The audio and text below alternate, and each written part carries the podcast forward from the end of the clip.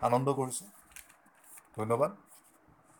Okay ত' লোকে লিখা শুভবাৰ্তা পাঁচ অধ্যায় সোতৰ পদৰ পৰা চাম হা? সোতৰ পদৰ পৰা বিছ পদলৈকে চাম। ইয়াতে লিখা আছে now it happen on a certain day এটা দিন এনেকুৱা আছে এনেকুৱা দিন এটা এটা দিনত এনেকুৱা এটা ঘটনা হৈছিলে এজ হি ৱাজ টিচিং যেতিয়া তেওঁ কি কৰি আছিলে শিক্ষা তেওঁ যেতিয়া প্ৰচাৰ কৰি আছিলে কিহৰ প্ৰচাৰ কৰি আছিলে? প্ৰভু যীশুখ্ৰীষ্টই যেতিয়া ঈশ্বৰৰ বাক্য প্ৰচাৰ কৰি আছিলে। That there were Pharisees and teachers of the law sitting by and who had come out of every town of Galilee, Judea and Jerusalem. আৰু তাতে কি হৈছিলে? ফাৰিচীবিলাক আছিলে হা ফাৰিচী মানে আপোনাৰ ফাৰিচী মানে যোনবিলাক ধৰ্মীয় লোক সেই সময়ত আছিলে আৰু বিধানৰ শিক্ষকবিলাক আছিলে। এই এইকেইজন এই দুটা এই এই দুজন এই দুটা গ্ৰুপ ধৰ্মীয় লোক হয়। আৰু এই ধৰ্মীয় লোকে গালিলি গালিলিৰ পৰা আহিছিলে জুদিয়াৰ পৰা আহিছিলে জেৰুচেলেমৰ পৰা আহিছিলে। সিহঁতি আহিছিলে। আৰু লিখা আছে and the power and the power of the Lord was present to heal them আৰু ঈশ্বৰৰ শক্তি উপস্থিত আছিলে তেওঁলোকৰ মাজত তেওঁলোকক সুস্থ কৰিবৰ কাৰণে।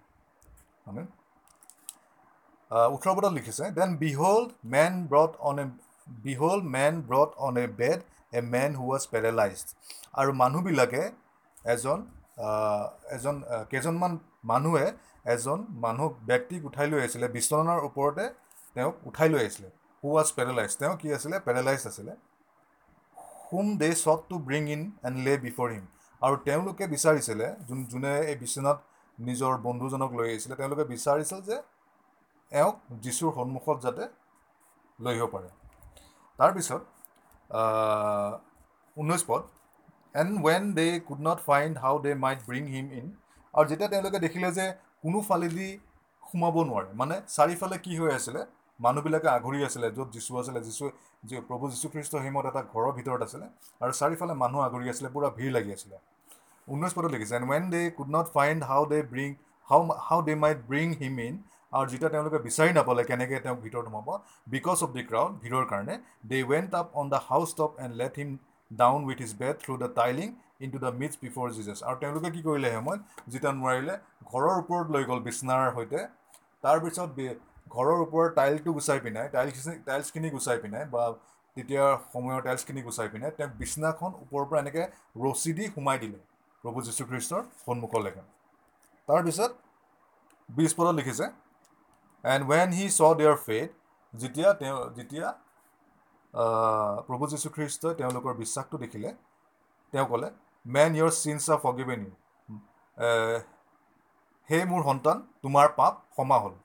একৈছ পদত লিখিছে and the scribes and the Pharisees began to reason saying আৰু তেতিয়া কি হৈছিলে যোনবিলাক ফাৰিচি আছিলে ধৰ্মীয় লোকবিলাক আৰু যোনবিলাক ধৰ্মীয় লোকবিলাকে নিজৰ মাজতে মানে তেওঁলোকে বাদ বিবাদত লাগি গ'ল যে এই মানুহজন এই মানুহজন কোন হয়?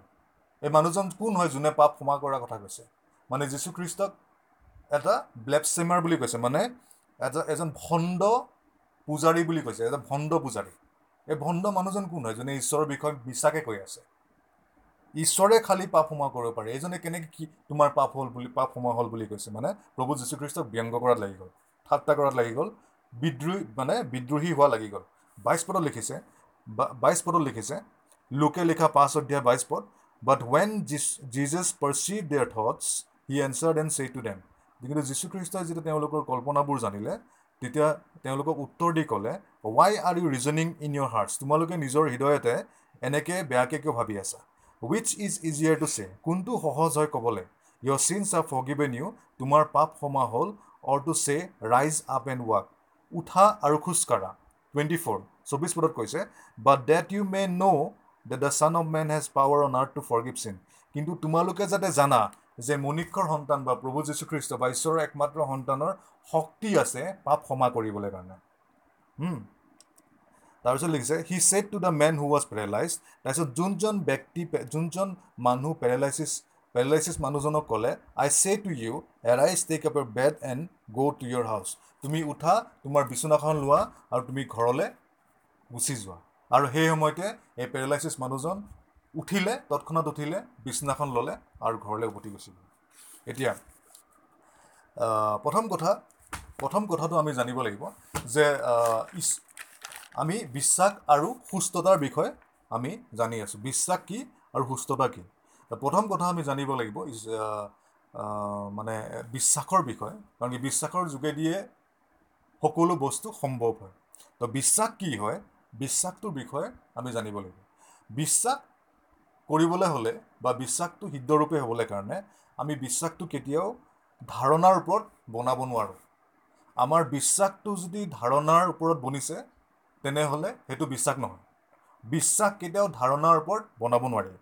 বিশ্বাস কেতিয়াও বিশ্বাস ঈশ্বৰৰ বাক্যৰ ওপৰতহে বনাব লাগিব। তাৰ মানে ঈশ্বৰক প্ৰথমতে জানিব লাগিব যে ঈশ্বৰৰ চৰিত্ৰটো কেনেকুৱা হয়। ঈশ্বৰৰ চৰিত্ৰটো কেনেকুৱা হয়?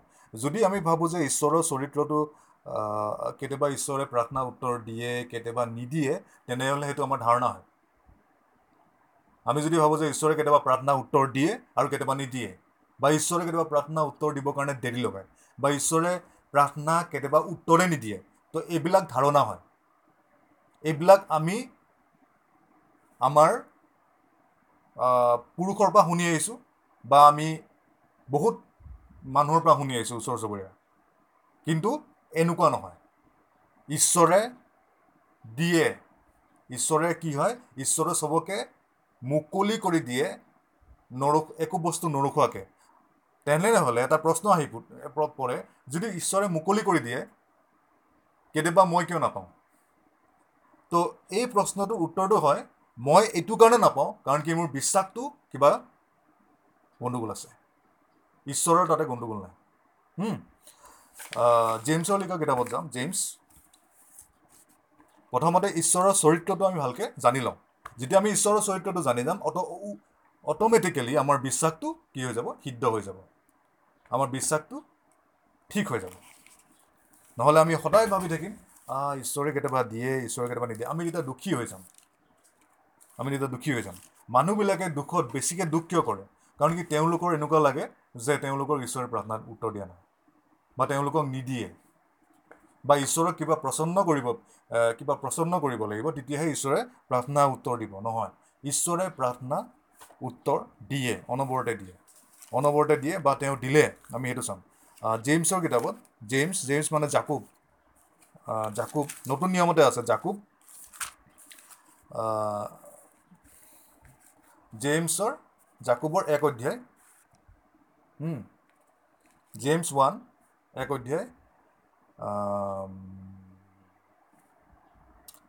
পাঁচৰ পৰা পাঁচৰ পৰা চাব এক অধ্যায় পাঁচৰ পৰা if any of you lack wisdom if any of you lacks wisdom কোনোবাই যদি জ্ঞানৰ কাৰোবাৰ যদি জ্ঞানৰ কমি আছে লেট হিম আক্স অফ গড ঈশ্বৰক তেওঁ খোজক who gives to all liberally and without reproach যোনে চবকে খুলি পিনাই দিয়ে হৃদয় খুলি দিয়ে আৰু দুখ নাচায়। মিনিংটো এইটো কৈছে এই বাক্যটোত পাঁচ পাঁচ পাঁচ পদত যদি কোনোবাই খোজে জ্ঞানো খোজে জ্ঞান যদি খোজে বা যিকোনো বস্তু খোজে মিনিংটো এইটো কৈছে যোনে যি খোজক তেওঁ এইটো বিশ্বাস কৰক যে ঈশ্বৰে খুলি পিনাই দিয়ে কেতিয়াও দুখ নধৰে দুখ নাচায় যে তই এইটো কৰিলি তই সেইটো কৰিলি তই মোক ভালকৈ খোজা নাই তই প্ৰাৰ্থনাটো কমকৈ কৰিছ সেইটো কাৰণে মই তোক কম কমকৈ দিম। এইটো এনেকৈ নাচায়। দুখ নধৰে। ঈশ্বৰে খুলি পিনাই দিয়ে দুখ নধৰে। প্ৰথম চৰিত্ৰ হ'লেতো ঈশ্বৰ। ঈশ্বৰে চবকে খুলি দিয়ে দুখ নধৰে। তাৰপিছত ছিক্সত কৈছে ছিক্স ছয় পদত কৈছে বাট লেট হিম আক্স ইন ফেথ কিন্তু তেওঁ বিশ্বাসৰ যোগেদি খোজক। ছয় পদত কৈছে তেওঁ বিশ্বাসৰ যোগেদি খোজক উইথ ন' ডাউটিং যাতে তেওঁ সন্দেহ নকৰে। For he who doubts is like a wave of the sea driven and tossed by the wind কিন্তু কিন্তু যোনে সন্দেহ কৰে সি এটা সাগৰৰ ঢৌৰ নিচিনা যোনটোক বতাহে ইফালে ইফালে ভটকাই লৈ ফুৰে। সাত পদত কৈছে let not let not that man suppose that he will receive anything from the Lord আৰু সেই মানুহটোৱে যোনটোৱে সন্দেহ কৰে যে সি ঈশ্বৰৰ পৰা কিবা পাব সি সেইটো সি সেইটো আশা নকৰক। আঠ পদত কৈছে he is a double minded man unstable in all his ways সি এটা দুইমনীয়া মানুহ আৰু সি সকলো ৰাস্তাতে কি হয়? সি তাৰ সকলো ৰাস্তাতে আনষ্টেবল হয়। মানে সি লুডুৰ পুডুৰকৈ যায়। এতিয়া ইয়াতে কি বুজাইছে আচলতে মই ক্লিয়াৰলি কৈ দিছোঁ মন দিব। ইয়াতে এইটো বুজাইছে যে এজন মানুহে কেতিয়াও নাভাবক যে ঈশ্বৰে দিবও পাৰে নিদিব পাৰে। এইটোহে বুজাইছে। যোনজন মানুহে ভাবে যে ঈশ্বৰে দিব পাৰে বা নিদিব পাৰে বা ঈশ্বৰে চাই চিতি দিয়ে ঈশ্বৰে ৰখি ৰখি দিয়ে তেনেহ'লে সেই মানুহজন দুইমনীয়া হয়। সেইজন মানুহক দুইমনীয়া কৈছে। যোনজন মানুহে ভাবে আ ঈশ্বৰে দিব নেকি বা নিদিব নেকি? চাগে মোৰ প্ৰাৰ্থনা কম হৈছে। চাগে মই চাগে মই চাৰ্চত যোৱা নাই কাৰণে মোৰ প্ৰাৰ্থনা উত্তৰ নিদিব। চাগে মই ভালকৈ মন দি ঈশ্বৰক বাইবেলখন পঢ়া নাই কাৰণে মোক উত্তৰ নিদিব। এইজন মানুহ দুইমনীয়া হয়। তো ঈশ্বৰৰ কেৰেক্টাৰটো কি হয়? যোন মানুহে বিশ্বাস কৰে যে ঈশ্বৰে দিবই সেইজন একমনীয়া মানুহ হয়। যোনজন মানুহে বিশ্বাস কৰে স্থায়ীৰূপে পৰিস্থিতি যেনেকুৱাই নহওক কিয় যোনে স্থায়ীৰূপে বিশ্বাস কৰে যে মই যি প্ৰাৰ্থনা কৰিছোঁ ঈশ্বৰে মোক উত্তৰ দিলে বা দিবই তেওঁ একমনীয়া মন হয় কাৰণ কি তেওঁ সন্দেহ কৰা নাই ঈশ্বৰে দিবও পাৰে নিদিব পাৰে। এইটো দুইমনীয়া মন হয়। ঈশ্বৰে দিবও পাৰে নিদিবও পাৰে। ঈশ্বৰে চাগে আমাক ৰক্ষা কৰিবও পাৰে নকৰিবও পাৰে। এইটো দুইমনীয়া মন হয়। তো ঈশ্বৰৰ এই দুইমনীয়া মনটো কেনেকৈ সৃষ্টি হয় যেতিয়া আমি ঈশ্বৰক নাজানো যেতিয়া আমি ঈশ্বৰৰ চৰিত্ৰটো কেনেকৈ ভাবোঁ যে ঈশ্বৰে প্ৰাৰ্থনাত দিয়ে কেতিয়াবা উত্তৰ দিয়ে কেতিয়াবা নিদিয়ে। ঈশ্বৰে কেতিয়াবা সুস্থ কৰে বা নকৰে তেতিয়া আমি দুইমনীয়া হৈ যাওঁ। তো আমি যেতিয়া আমি যেতিয়া ঈশ্বৰৰ চৰিত্ৰটো জানো যে ঈশ্বৰে খুলি পিনাই দিয়ে। ইয়াৰ আগতে বাক্যটো সেইটোৱে ক'লে ন যে ঈশ্বৰে খুলি পিনাই দিয়ে। ছয় পদত যোনটো আমি পাঁচ পদত যে পঢ়িছিলোঁ পাঁচ পদটো চাওঁ আহকচোন। ইয়াতে লিখিছে if any of you lacks wisdom পাঁচ পদটো চাব if any of you lacks wisdom কোনোবাই যদি জ্ঞানটো কোনোবাই যদি জ্ঞান জ্ঞান কাৰোবাৰ যদি জ্ঞানৰ কমি আছে লেট হিম আক্স অফ গড তেওঁ ঈশ্বৰক খোজক। আৰু সু গী আৰু ঈশ্বৰে কি কৰে?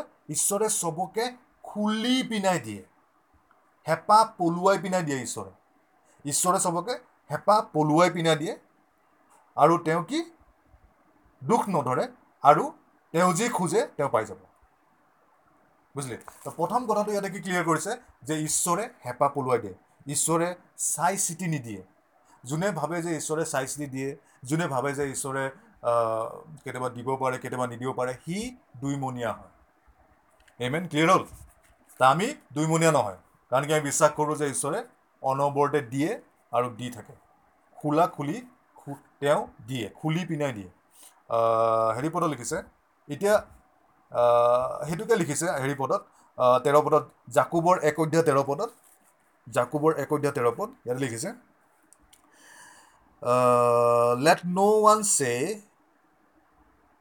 তেৰ পদত জাকুবৰ একেখন কিতাপতে এক অধ্যায় তেৰ পদত কৈছে let no' one say when he is tempted I am tempted by God for God cannot be tempted by evil nor does he himself tempt any one কোনোৱে যাতে নকওক যে ঈশ্বৰে কোনোৱে যাতে নকওক যেতিয়া তেওঁ তেওঁৰ জীৱনত যেতিয়া বিভিন্ন ক্লেশ আহিছে তেওঁ যাতে কেতিয়াও নকয় যে ঈশ্বৰে মোক ক্লেশ দিছে।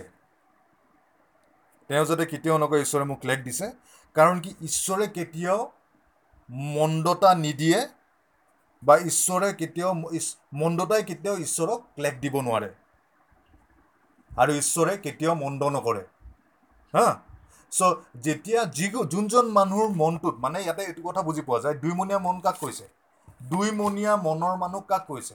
দুইমনীয়া মানুহ মানুহ মনৰ মানুহজনে ঈশ্বৰৰ পৰা কেতিয়াও একো পাব নোৱাৰে। প্ৰথম কথা এইটো কৈ দিছে।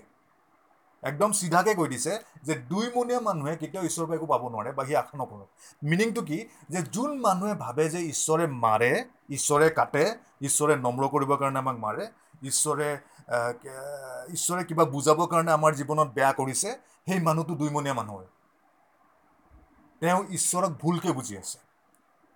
আৰু সেই মানুহটোকে দুইমনীয়া মানে সেই মানুহটো কেনেকৈ ভাবিছে? ঈশ্বৰ ভালো হয় আৰু ঈশ্বৰে মাজে মাজে বেয়াও কৰে।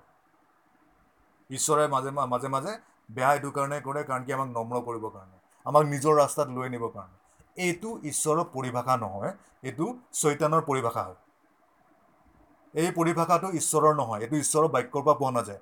যোনটো পৰিভাষা বা যোনটো ধাৰণা মোৰ মনত যদি এটা ধাৰণা আছে আৰু সেই ধাৰণাটো যদি ঈশ্বৰৰ বাক্যৰ লগত নিবিলে মই সেই ধাৰণাটো দলি মাৰি পেলাই দিব লাগে। জাবৰৰ বিনত জাবৰৰ বস্তাত পেলাই দিব লাগে। কাৰণ কি সেই ধাৰণাটো চৈতন্যৰ পৰা অহা চ' এই সেনেকেই যেতিয়া মই ভাবোঁ যে ঈশ্বৰে মাৰে ঈশ্বৰে কাটে মোক নম্ৰ কৰিবৰ কাৰণে মাৰিছে কাটিছে মোৰ সেইটো কাৰণে মই চাকৰি বাকৰি বা কিবা উদাহৰণস্বৰূপে মই ভালকৈ সেইটো মই উদাহৰণস্বৰূপে কৈছোঁ যে মই ধৰ মোৰ মই ধৰক চাকৰি এটা কৰি আছোঁ চাকৰিটোৰ পৰা মোৰ কিবা চাকৰিটোত মোৰ কিবা এটা খেলি মেলি হ'ল আৰু চাকৰিটোৰ পৰা মই হেৰি হ'লোঁ চাকৰিটোৰ পৰা মোক মোৰ চাকৰিটো গুচি গ'ল। তাৰপিছত মই যদি ভাবোঁ আহ মই ঈশ্বৰে মোক চাগে কিবা বুজাবৰ কাৰণে এই চাকৰিটো গুচাই দিলে। বা ঈশ্বৰে মোক চাকৰিটোৰ পৰা এইটো কাৰণে গুচালে কাৰণ কি মই প্ৰাৰ্থনা ভালকৈ কৰা নাই। তেনেহ'লে মই দুইমনীয়া মানুহ হয়। আৰু মই কেতিয়াও ঈশ্বৰৰ পৰা এনেকুৱা মনৰ হ'লে মই গ্ৰহণ কৰিব নোৱাৰোঁ। কাৰণ কি মোৰ প্ৰথমতে মই ঈশ্বৰক ভুল বুজি আছোঁ। মানে মোৰ বিশ্বাসটো ভুল। ঈশ্বৰে দিবলৈ চাই আছে কিন্তু মোৰ বিশ্বাসটো ভুল হৈ গ'ল। আৰু মোৰ বিশ্বাস ভুলৰ কাৰণে মই পাব নোৱাৰোঁ আৰু বাইবেলে কৈছে এনেকুৱা ধৰণৰ মানুহবিলাক সাগৰৰ ঢৌ নিচিনা। সাগৰৰ ঢৌটো যোনটো বতাহে ইফালে ইফালে ইফালে ইফালে ভটকাই ফুৰে। যেতিয়া বতাহটো আহে যোনফালে যদি পূবৰ পৰা বতাহটো আহে ঢৌটো পশ্চিমত ঠেল খাই যায়। যদি পশ্চিমৰ পৰা বতাহটো আহে ঢৌটো পূবৰ ফালে ঠেল খাই যায়। বুজিছে? চ' ঈশ্বৰৰ চৰিত্ৰটো কি হয়? আমি প্ৰথমতে জানি গ'লোঁ এতিয়া যে ঈশ্বৰে খুলি দিয়ে খুলি খুলি পূৰা খুলি দিয়ে। আৰু আমি ঈশ্বৰৰ চৰিত্ৰটো ক'ত দেখা পাওঁ? যেতিয়া আমি পাপত আছিলোঁ যেতিয়া আমি মৃত্যুত আছিলোঁ যেতিয়া আমি নৰকত আমাৰ নাম লিখা আছিলে তেতিয়াই খ্ৰীষ্ট যীশু আমাৰ কাৰণে মৃত্যু ল'লে। প্ৰভু যীশুখ্ৰীষ্টই আমাক অনন্তকালৰ দণ্ড অনন্তকালৰ অন্ধকাৰৰ পৰা নিজৰ মৃত্যুৰ যোগেদি আমাক বচাই দিলে। সেইটো হ'ল ঈশ্বৰৰ চৰিত্ৰ। আমেন। চ' এইটো কথা আমি ক্লিয়াৰ হ'লোঁ যে ঈশ্বৰ ঈশ্বৰে খুলি দিয়ে। প্ৰথম কথা আমি ক্লিয়াৰ হ'লোঁ নহয় বিশ্বাসৰ কাৰণে ঈশ্বৰে সদায় খুলি দিয়ে। খুলি দিয়ে মানে এতিয়া কি খুলি দিয়ে সেইটো আমি আমি এইটো খুলি দিয়ে মানে কেতিয়া খুলিলে নে খুলিব সেইটো আমি চাম। কেতিয়া খুলিলে বা খুলিব। এতিয়া এটা কথা জনা দৰকাৰ প্ৰাৰ্থনাত। প্ৰাৰ্থনা কৰিলে আমি কেতিয়াও ভাবিব নালাগে যে ঈশ্বৰে এতিয়া মোৰ প্ৰাৰ্থনাটোৰ যোনটো মই প্ৰাৰ্থনা কৰিলোঁ এতিয়া সেই বস্তুটো ঈশ্বৰে সৃষ্টি কৰিব। তাৰপিছত মোক কৰিয়াৰ কৰি পঠাই দিব। এইটো এটা ভুল বিশ্বাস। এইটো এটা ভুল বিশ্বাস। কেনেকৈ? কেনেকৈ আমি গম পাওঁ ঈশ্বৰে যি কৰিব লগা আছিলে যীশুখ্ৰীষ্টত চব কৰি খতম কৰিলে শেষ কৰিলে। মানে মোক যেতিয়া কিবা এটা দৰকাৰ আছে মোক যদি মোক যদি চংগাই দৰকাৰ আছে চংগাইটো উপস্থিত আছে। মোক যদি জীৱনৰ দৰকাৰ আছে জীৱনটো উপস্থিত আছে অলৰেডি মোক যদি টকা পইচা দৰকাৰ আছে টকা পইচা উপস্থিত আছে। মোক যদি গাড়ী এখন দৰকাৰ আছে গাড়ীখনো উপস্থিত আছে মোৰ কাৰণে। অলৰেডি ঈশ্বৰে চব তৈয়াৰ কৰি থৈছে মোৰ জীৱনত। তেনেহ'লে মই কি কৰিব লাগিব? মোক যিয়ে লাগে। মোক মোক মোক মানসিক কিবা সুস্থতা লাগে বা মোক মানসিক শান্তি লাগে মোক পাৰিবাৰিক শান্তি লাগে মোক গাড়ী লাগে ঘোঁৰা লাগে মোক পইচা লাগে মোক সুস্থতা লাগে মোক যিয়ে নালাগক কিয় ভাল বস্তু। চব বস্তু তৈয়াৰ হৈ আছে। ঈশ্বৰে তৈয়াৰ কৰিব তৈয়াৰ কৰিব নাই। কাৰণ কি আমি যদি আমি যদি প্ৰাৰ্থনা কৰাৰ পিছত যদি ভাবোঁ যে ঈশ্বৰে এতিয়া তৈয়াৰ কৰিব তাৰ মানে ঈশ্বৰে ৰিয়েক্ট কৰে মানুহৰ নিচিনাকৈ প্ৰয়েক্ট নকৰে। তাৰমানে ঈশ্বৰে নাজানে মোক কি লাগে। তাৰমানে মই কোৱাৰ পিছতহে ঈশ্বৰে জানে যে মোক অ' আচ্ছা মই পাহৰি গৈছিলোঁ আহ, সিদ্ধাৰ্থক হেৰি লাগিব সিদ্ধাৰ্থক চাউল লাগিব দাইল লাগিব তাক খাবলৈ কাৰণে। এতিয়া মই চাউল দাইল তাৰ কাৰণে সৃষ্টি কৰিব। তো ঈশ্বৰে ৰিয়েক্ট নকৰে ঈশ্বৰে প্ৰয়োগ কৰে। প্ৰয়োগ মানে ঈশ্বৰে আমি কোৱাৰ পিছত ঈশ্বৰে কৰিব নাযায়। ঈশ্বৰে আগতীয়াকৈ জানে যে আমাক কি লাগে। ঈশ্বৰৰ ঈশ্বৰে সৰ্বজ্ঞানী সৰ্বজ্ঞানী অঁ সৰ্বজ্ঞানী অমনিচিয়েণ্ট সৰ্বজ্ঞানী। তেওঁ জানে মোৰ জন্মৰ আগতে জানে মোক কি লাগে। পৃথিৱীখনত সময় আৰম্ভ হোৱাৰ আগতে ঈশ্বৰে আৰাম গোটেই সময়টোত কি লাগিব তেওঁ ভালকৈ জানে। সেইটো কাৰণে সময়ৰ আগতে আমাৰ উদ্ধাৰটো তৈয়াৰ কৰিলে সময়ৰ আগতে আমাৰ জীৱনত যি যি লাগে তৈয়াৰ কৰিলে।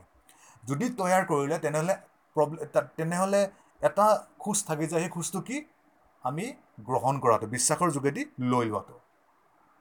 তো আমাক জীৱনৰ কাৰণে আজিৰ দিনটোৰ কাৰণে এতিয়া বাঢ়িছে চাৰে এঘাৰটা পঁচিছ বাৰটা বজাত আমাক কি লাগিব? এটা বজাত আমাক কি লাগিব? পাঁচটা বজাত আমাক কি লাগিব? বা আজি গধূলি ছটা বজাত কি লাগিব? ঈশ্বৰে আগতে তৈয়াৰ কৰি থৈছে। তাৰমানে মই যেতিয়া বাৰটা বজাত প্ৰাৰ্থনা কৰিম ঈশ্বৰ মোক ছটা বজাত ধৰক এনেই উদাহৰণস্বৰূপে ঈশ্বৰ মোক ছটা ছটা বজাত একাপ চাহ লাগে বা এনিথিং ঈশ্বৰ মোক ছটা বজাত টকা অলপ লাগে পইচা অলপ লাগে মোৰ পইচা নাই। তেতিয়া ঈশ্বৰে তৈয়াৰ নকৰে মই প্ৰাৰ্থনা কৰা টাইমত। মই প্ৰাৰ্থনা কৰা টাইমত কি কৰিছোঁ? মই গ্ৰহণে কৰিছোঁ। মানে মই যেতিয়া জানিম যে ঈশ্বৰে মোৰ কাৰণে চব তৈয়াৰ কৰি থৈছে তেতিয়া মই জাষ্ট গৈ পিনে লৈ আনিম আলমাৰীৰ পৰা। আমাৰ ঘৰত বস্তুবিলাক যেতিয়া আমাৰ ঘৰত কি হৈছে বস্তুবিলাক তৈয়াৰ হৈ আছে। কিটচেনত বাচন আছে বাকী ৰুমবিলাকত বেলেগ বেলেগ ইত্যাদি আমাৰ লাগতিয়াল বস্তু আছে। এতিয়া যেতিয়া মই যেতিয়া মই যেতিয়া মই পাকঘৰত যাওঁ মই যেতিয়া চাহ খাব লাগে চাহ চাহ খাব লাগে মই চাহপাত আগতে আনি থৈ দিছোঁ। মই চাহপাতটো জাষ্ট ওলাই পিনে মই বনাই লওঁ। তেনেকৈ ঈশ্বৰে আমাৰ কাৰণে তৈয়াৰ কৰি থৈছে সেইটো কাৰণে যেতিয়া আমাৰ ঈশ্বৰে আমাৰ কাৰণে তৈয়াৰ কৰি থৈছে তেতিয়া আমাৰ প্ৰাৰ্থনাবিলাকো আমি কৰিবলৈ জানি যাম। যেতিয়া জানিম যে তৈয়াৰ কৰি থৈছে তাৰমানে মই কি কৰিম? মই খালি ল'মেই খালি। উদাহৰণস্বৰূপে যেতিয়া চাৰি হাজাৰ আৰু পাঁচ হাজাৰ মানুহে এবাৰ কি হৈছিলে? প্ৰভু যীশুখ্ৰীষ্টৰ পিছে পিছে গৈছিলে।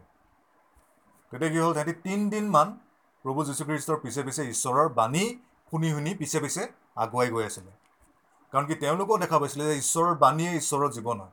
তেওঁলোকে বিশ্বাস কৰিছিল যে বহুত বহুতে তাৰ মাজত বিশ্বাস কৰিছিল যে এইজন সেয়া ৰুটি হয় যোন যোন যোনটো ৰুটিৰ যোগেদি মানুহে অনন্ত জীৱন পায়।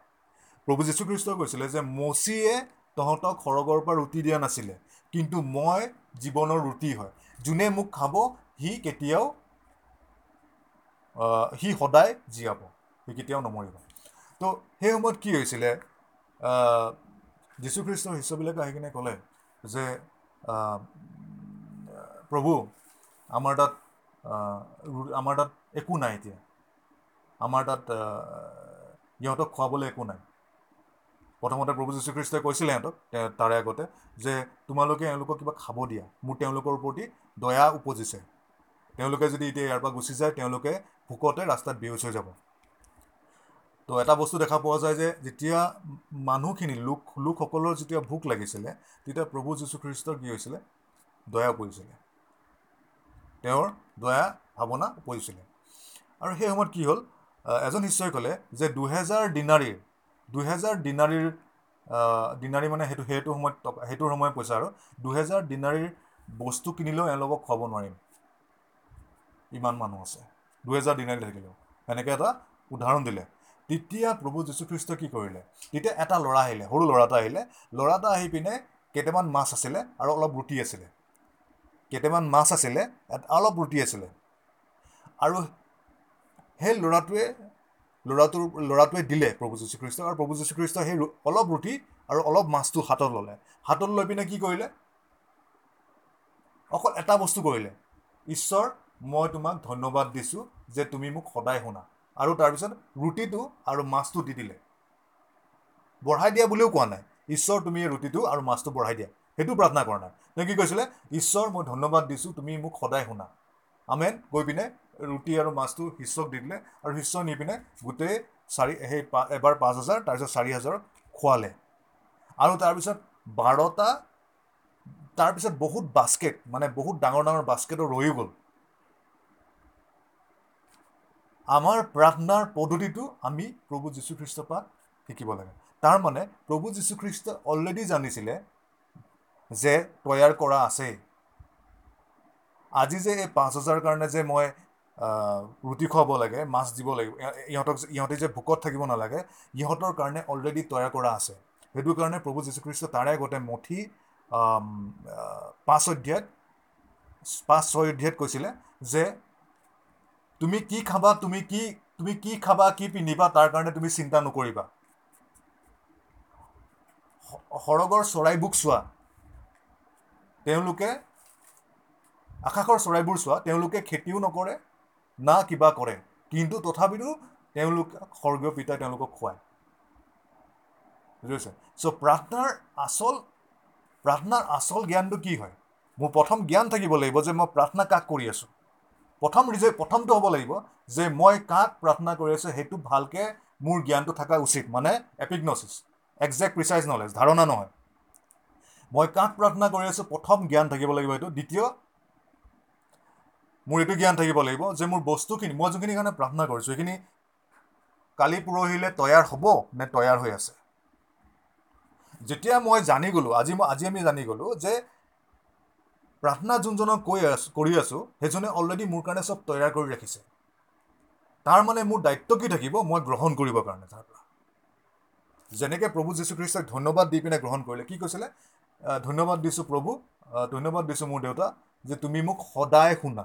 আৰু সেনেকৈ ৰুটিটো আৰু মাছটো দি দিলে আৰু সেইটো বাঢ়ি গ'ল। আৰু এইটো কোনো মিছা ঘটনা নহয় কাল্পনিক ঘটনা নহয় কিন্তু এইটো ঘটনা ঘটি গৈছে।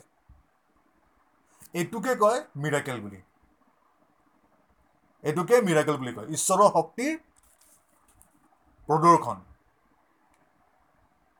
আৰু ঈশ্বৰৰ শক্তি আমি এই ফেল বুধবাৰৰ ফেল'শ্বিপটোৰ যোগেদি ঈশ্বৰৰ শক্তি কেনেকৈ মানে কেনেকৈ আমাৰ জীৱনত আমি মানে এপ্লাই কৰিব পাৰোঁ কেনেকৈ বেলেগৰ জীৱনত এপ্লাই কৰিব পাৰোঁ সেইটো আমি শিকিম। সেইটো কাৰণে সৰু সৰু যোনবিলাক ডিটেইল সৰু সৰু যোনবিলাক ডিটেইল সেইবিলাক ভালকৈ আমি জনাটো দৰকাৰ। কাৰণ কি আমি আমাৰ তাত যোনটো শক্তি আছে যদি আমি সেইটো যোনটো শক্তি আমাৰ কাৰণে ঈশ্বৰে উপস্থিত কৰি থৈছে সেই শক্তিটো যদি আমি চলাব নাজানো তেনেহ'লে আমি আমাৰ কাৰণে আগলৈ আগৰ সময়টোত আমাৰ কাৰণে মানে সময়টো যেতিয়া আগবাঢ়ি গৈ থাকিব আহি থকা সময়ত আমাৰ কাৰণে দিগদাৰী হ'ব পাৰে। আহি থকা সময়ত সেইটো কাৰণে ঈশ্বৰে আমাৰ কাৰণে সকলো বস্তু তৈয়াৰ কৰি থৈছে। প্ৰথম প্ৰথম কথা ঈশ্বৰে খুলি দিয়ে চব আৰু দ্বিতীয় কথা ঈশ্বৰে চব আমাৰ কাৰণে সকলো বস্তু তৈয়াৰ কৰি থৈছে। সেইটো কাৰণে আজিৰে পৰা আপোনালোকে প্ৰাৰ্থনাত আপোনালোকৰ কি হ'ব এটা সিদ্ধতা আহিব। আপোনালোকৰ বিশ্বাসত সিদ্ধতা আহিব। যেতিয়া আপোনালোকে হাত জোৰ কৰি যেতিয়া প্ৰাৰ্থনা কৰিব ল'ব বা আঁঠুকাৰি যেতিয়া প্ৰাৰ্থনা কৰিব ল'ব তেতিয়া মনলৈ এইটো আহিব আহ মোৰ ঈশ্বৰেতো চব দিয়ে থৈছে। মোৰ ঈশ্বৰেতো দিবলৈ তৈয়াৰ হৈ আছে চব অলৰেডি তৈয়াৰ হৈ আছে। মই খালি বিশ্বাসৰ যোগেদি গ্ৰহণ কৰিব লাগে। আপোনালোকৰ বিশ্বাসত এটা কি আহিব? এটা পোহৰ বেছি আহি যাব বিশ্বাসটোত। তেতিয়া যেতিয়া আপোনালোকে প্ৰাৰ্থনা কৰে এক লাইন কৰে দুই লাইন কৰে গোটেই দিন কৰে গোটেই ৰাতি কৰে তিনি ৰাতি কৰে চাৰি ৰাতি কৰে পাঁচ ৰাতি কৰে আপোনালোকৰ ইয়াতে বিশ্বাসটো থাকিব বিশ্বাসটো দুইমনীয়া হৈ নাথাকে। অনবৰতে বিশ্বাস থাকিব যে ঈশ্বৰে মোৰ প্ৰাৰ্থনা উত্তৰ দিলেই। ইমেন গমাইছে চ' আমাৰ বিশ্বাসৰ আম, আমাৰ বিশ্বাসৰ বিশ্বাসৰ প্ৰমাণ বা বিশ্বাস কেনেকৈ কৰিব লাগে তাৰ তাৰ এক্স তাৰ উদাহৰণটো কি হয়? প্ৰভু যীশুখ্ৰীষ্ট। আমি বিশ্বাস কেনেকৈ কৰিব লাগে? বিশ্বাস কি কৰিব লাগে? আৰু লগতে আমাৰ আত্মিক জীৱনটোৰ কেনেকৈ চলাব লাগে? তাৰ উদাহৰণটো হ'ল প্ৰভু যীশুখ্ৰীষ্ট। তাৰ উদাহৰণটো হ'ল প্ৰভু যীশুখ্ৰীষ্ট। ঠিক আছে? তো অ'কে আমি এই দুটা পইণ্ট চলোঁ। হা? এতিয়া তৃতীয় point third point first point কি চলোঁ আমি? ঈশ্বৰৰ কেৰেক্টাৰটো চালোঁ। যে ঈশ্বৰে দিওঁ নিদিওঁ কৰি নাথাকে। ঈশ্বৰে অঁ দিম নিদিম দিম নিদিম। ঈশ্বৰে দিয়াৰ সময়ত চাই নাথাকে তই কিমান আমি কিমান দুখ কৰিছোঁ আমি কিমান দুখ কৰা নাই আমি কিমান প্ৰাৰ্থনা কৰিছোঁ আমি কিমান আমি কিমান প্ৰাৰ্থনা কৰা নাই আমি কিমান বাইবেল পঢ়িছোঁ কিমান পঢ়া নাই সেইটো চাই নাথাকে। ঈশ্বৰে দিয়ে আমি ল'ব লাগে। দেউতাকে দিয়ে দেউতাকে উপস্থিত কৰি থৈছে প্ৰত্যেক জগতৰ দেউতাকে জগতৰ পিতৃয়ে কি কৰে জগতৰ পিতৃ মাতৃয়ে কি কৰে নিজৰ ল'ৰা ছোৱালীৰ কাৰণে যোনদিনাখনৰ পৰা জন্ম হয় তাৰ আগলে যদি আজি কোনোবা সন্তান জন্ম হৈছে তাৰ আগলে এক বছৰলৈকে বা হয়তো ছমাহ বা এক বছৰ বা কিছুমানে দহ বছৰলৈকে তেওঁলোকে কি কৰে প্ৰথমতে ভাবে অলপ পইচা জমা কৰোঁ। অলপ ইঞ্চুৰেঞ্চ কৰি থৈ দিওঁ আমাৰ আমাৰ সন্তানৰ কাৰণে। ইঞ্চুৰেঞ্চটো কৰি কৰি থৈ দিওঁ এতিয়াই কৰি থৈ দিওঁ। আৰু এই ইঞ্চুৰেঞ্চ কৰাৰ সময়ত যেতিয়া যোনটো সন্তান জন্মে সেই সন্তানটোৰ গমেই নাপায় যে ইঞ্চুৰেঞ্চ কি হয়। বা কি ইঞ্চুৰেঞ্চ কৰিছে। বা কি হয় নিজৰ মাক দেউতাকে হ'লে কি কৰে নিজৰ ল'ৰা ছোৱালীৰ কাৰণে খাদ্য সামগ্ৰী হওক কাপোৰ কানি হওক বা তেওঁলোকৰ কেৰিয়াৰ হওক সেইবোৰ চব আগতীয়াকৈ তৈয়াৰ কৰে জগতৰ পিতৃ মাতৃয়ে যদি আগতে তৈয়াৰ কৰে তাতোকৈ বেছি কিমান আমাৰ স্বৰ্গীয় পিতৃ এমেন ক্লিয়াৰ তাৰপিছত তৃতীয় বস্তুটো হ'ল তেনেহ'লে গম পালোঁ আমি। আমি গম পালোঁ প্ৰথম বস্তুটো কি গম পালোঁ? যে ঈশ্বৰে খুলি দিয়ে বা দিলে। দ্বিতীয় দ্বিতীয়টো কি আছিলে? দ্বিতীয় পইণ্টটো কি আছিলে? ঈশ্বৰে দিও নিদিওকৈ নাথাকে। ঈশ্বৰে খুলি দিয়ে ঈশ্বৰে দিও নিদিওকৈ নাথাকে। ঈশ্বৰ ঈশ্বৰে মন্দতা নিদিয়ে। আৰু তৃতীয় পইণ্টটো থাৰ্ড পইণ্টটো হ'ল ঈশ্বৰৰ আশীৰ্বাদ। ঈশ্বৰৰ আশীৰ্বাদ কি হয়? আমি এফিচিয়া ইফিচিয়ালৈ যাম। ইফিচিয়া এক অধ্যায় ইফিচিয়া এক অধ্যায়লৈ যাব। ইফিচিয়া এক অধ্যায় তিনি পদ। ইফিচিয়া এক অধ্যায় তিনি পদ।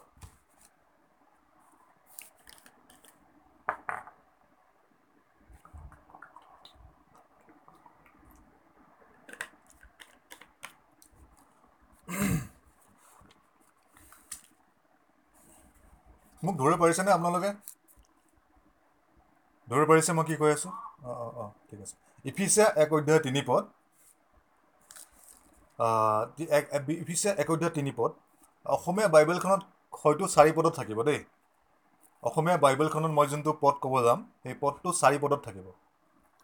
ইয়াতে লিখিছে blessed be the God and the Father of our Lord Jesus Christ who has blessed us with every spiritual blessings blessing in the heavenly places in Christ মানে এফিচিয়া এক অধ্যায় চাৰি পদত এইটো কৈছে যে আশীৰ্বাদ প্ৰাপ্ত আশীৰ্বাদ প্ৰাপ্ত মোৰ ঈশ্বৰ আশীৰ্বাদ প্ৰাপ্ত মোৰ ঈশ্বৰ আৰু পিতৃ আমাৰ পিতৃ যোনে আমাক সকলো আত্মিক আশীৰ্বাদেদি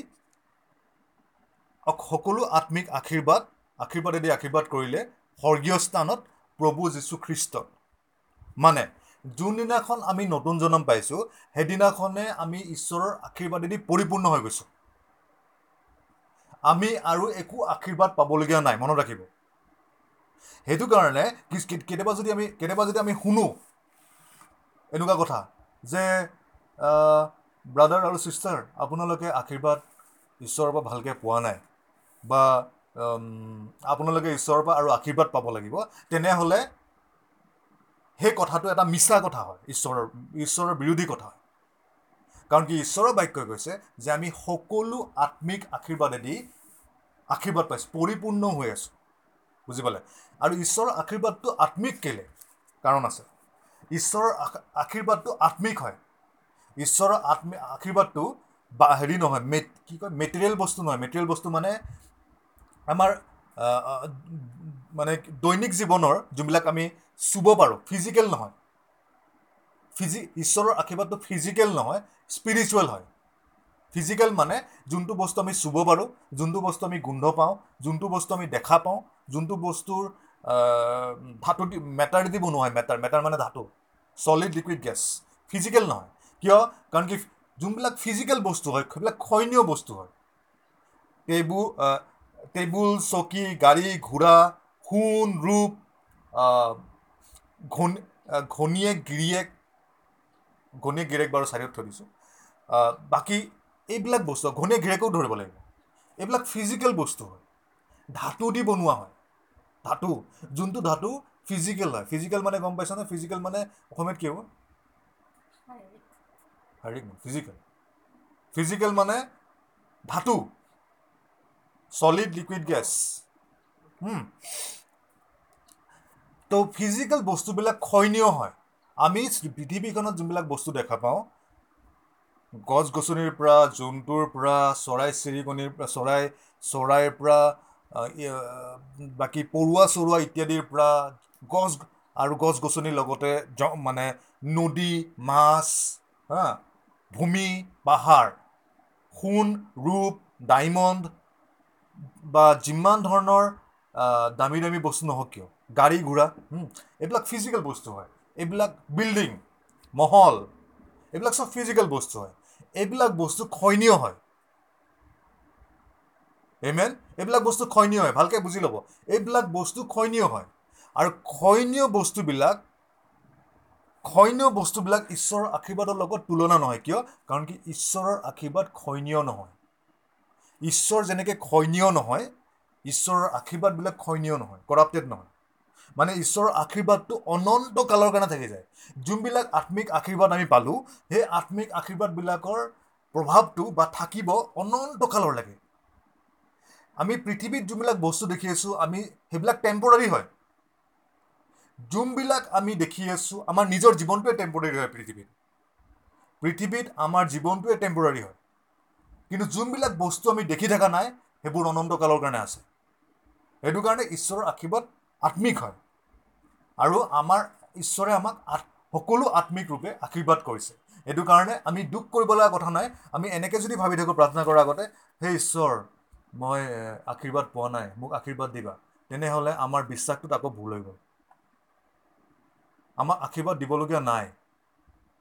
যেতিয়া আমি ক্লিয়াৰ হৈ গ'লোঁ আজি আজি আমি ক্লিয়াৰ হ'লোঁ কি ক্লিয়াৰ হ'লোঁ? যে ঈশ্বৰে দিওঁ নিদিওঁকৈ নাথাকে ঈশ্বৰে দিবলৈ দেৰি নকৰে ঈশ্বৰে চব তৈয়াৰ কৰি থৈছে। দ্বিতীয় কথা জানিলোঁ যে ঈশ্বৰে ঈশ্বৰে বেয়া নহয়। ঈশ্বৰে মন্দতা নিদিয়ে। ঈশ্বৰে দিয়াৰ আগতে আমাৰ কৰ্মটো নাচায়। আমি ভাল কৰি আছোঁ নে বেয়া কৰি আছোঁ? ঈশ্বৰে নাচায়। আমেন। কেনেকৈ গম পাওঁ এই কথাটো? ঈশ্বৰে ঈশ্বৰে খুলি দিয়ে চবক। সেইটো আমি কেনেকৈ গম পাওঁ? আমি আমি তাৰ কাৰণে দুটা বাক্য চাব লাগিব। মঠি মঠি পাঁচ অধ্যায় চৌৰাল্লিছ ফৰ্টি ফ'ৰ মঠি পাঁচ অধ্যায় চৌৰাল্লিছ চৌৰাল্লিছ মঠি পাঁচ অধ্যায় চৌৰাল্লিছ পদ চাম। ঈশ্বৰে খুলি দিয়ে কেতিয়াও দুখ নাচায়। আমি ভাল হয় নে বেয়া হয় কেতিয়াও চোৱা নাছিলে। কিন্তু ঈশ্বৰে খুলি পিনে আমাক দিলে। সেইটো কাৰণে আমি আনন্দ কৰিব লাগে। আমি আমাক যি যি দৰকাৰ আছিলে আমাক যি যি দৰকাৰ আছিলে সেইবোৰ ঈশ্বৰে দি দিছে। ইমেন আমাক যি যি দৰকাৰ আছিলে এইবিলাক ঈশ্বৰে দি দিছে। যি যি দৰকাৰ। মঠি ফাইভ মঠি পাঁচ পাঁচ অধ্যায় ফৰ্টি ফ'ৰ ফৰ্টি ফ'ৰত কি লিখিছে but I say to U চৌৰাল্লিছ পদত কি লিখিছে but I say to you love your enemies মই তোমাক কৈছোঁ তোমাৰ শত্ৰুক তুমি প্ৰেম কৰা ঘীন নকৰিবা। তুমি প্ৰেম কৰা ঘীন নকৰিবা। হাও নিদিবা আশীৰ্বাদ কৰা। দ'জ হু হেট ইউ যোনে তোমাক বেয়া আচৰণ কৰিছে তাক তুমি ভাল কৰা। And pray for those who spitefully use you আৰু তুমি সেই সেইজনৰ কাৰণে প্ৰাৰ্থনা কৰা যোনে তোমাক ব্যৱহাৰ কৰে নিজৰ লাভৰ কাৰণে। যোনে স্বাৰ্থপৰ ৰূপে তোমাক ব্যৱহাৰ কৰে সেইজনৰ কাৰণে তুমি প্ৰাৰ্থনা কৰা। আৰু সেইজনৰ কাৰণে প্ৰাৰ্থনা কৰিব দিছে যোনে তোমাক তাৰণা দিয়ে। মানে কি কৈছে? নিজৰ শত্ৰুক প্ৰেম কৰা। কিয়? ঈশ্বৰেও নিজৰ শত্ৰুকে প্ৰেম কৰিছিলে। কিয়? আমি যেতিয়া ঈশ্বৰৰ শত্ৰুৱে আছিলোঁ খ্ৰাইষ্ট আমাৰ কাৰণে মৰিলে। ইমেন ইমেন মনত আছেনে? পাঁচ ৰোমাঞ্চ ৰোমাঞ্চ পাছত দিয়ে আমি ঈশ্বৰৰ যেতিয়া শত্ৰুৱে আছিলোঁ তেতিয়া খ্ৰাইষ্ট আমাৰ কাৰণে মৰিলে। চ' এতিয়া কি কৈছে? নিজৰ শত্ৰুক প্ৰেম কৰা আশীৰ্বাদ কৰা যোনে তোমাক হাও দিছে ভাল কৰা যোনে তোমাক হিংসা কৰে প্ৰাৰ্থনা কৰা সেইবিলাকৰ কাৰণে যোনে তোমালোকক যোনে সুবিধাবাদী হয় যোনে তোমালোকক লৈ সুবিধাবাদী হয় আৰু যোনে তোমালোকক তাৰণা দিয়ে তেওঁলোকৰ কাৰণে তোমালোকে প্ৰেমেদি প্ৰাৰ্থনা কৰা তেওঁলোকৰ ভালৰ কাৰণে। এইটো হ'ল ঈশ্বৰ হৃদয়। ফৰ্টি ফাইভত চাওক ফৰ্টি ফাইভ পঞ্চল্লিছ পদত চাওক কি লিখিছে? That you may be that you may be কিয়? That you may be sons of your Father in heaven যাতে তোমালোক কাৰণ কি তোমালোকে যাতে তোমাৰ পিতৃৰ সন্তান হোৱা সৰগৰ আমি অলৰেডি হয়। For he makes his sun rise on the evil and on the good and sends rain on the just and on the unjust কি লিখা আছে? লাষ্টৰ অন্তিমৰ দুটা লাইনত যে তেওঁ নিজৰ সূৰ্যটো তেওঁ নিজৰ ঈশ্বৰে নিজৰ সূৰ্যটো হা ঈশ্বৰে নিজৰ সূৰ্যটো বা ঈশ্বৰে নিজৰ পোহৰটো মন্দবিলাকৰ কাৰণেও দিয়ে আৰু ভালবিলাকৰ কাৰণেও দিয়ে। দেখিছে?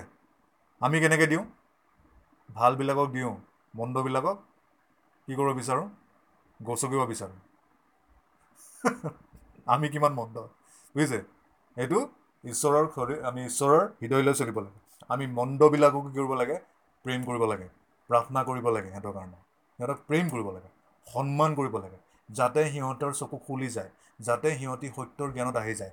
তেওঁলোকে যাতে চৈতান্যৰ চংগুলৰ পৰা বাচি ঈশ্বৰৰ সন্তান হৈ যায়। পৃথিৱীত ঈশ্বৰৰ কাম হোৱা যোনবিলাক মানুহ আছে নহয় যোনবিলাক ভাল ভাল ঈশ্বৰৰ দাগ যোনবিলাক গৈছে বহুতবিলাক তাৰে মাজত বহুতবিলাক বহুত মন্দ আছিলে। বহুত সাংঘাতিক মন্দ আছিলে। বহুত বেয়া আছিলে। ইনফেক্ট এপষ্টেল পল যাৰ পলৰ পলৰ পলে লিখা প্ৰতিপত্ৰবোৰ যোনবিলাক ৰোমাঞ্চ ৰমিয়াখন পলে লিখা এপষ্টেল পলে কৰিণ্টিয়ানছখন এপষ্টল পলে লিখা টিমথিখন এপষ্টল পলে লিখা থেচল থেচলিনিয়ানছখন এপষ্টল পলে লিখা। চ' এপষ্টল ফিলিপিয়ানছ গালাটিয়ানছ এইবিলাক এপষ্টল পলে লিখা।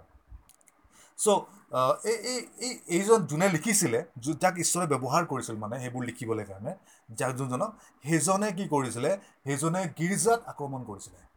গীৰ্জা ভাঙি দিছিলে গীৰ্জাৰ মানুহবিলাক ওলাই দিলে জেলত সোমাই দিছিলে তেওঁ তেনেকুৱা আছিলে।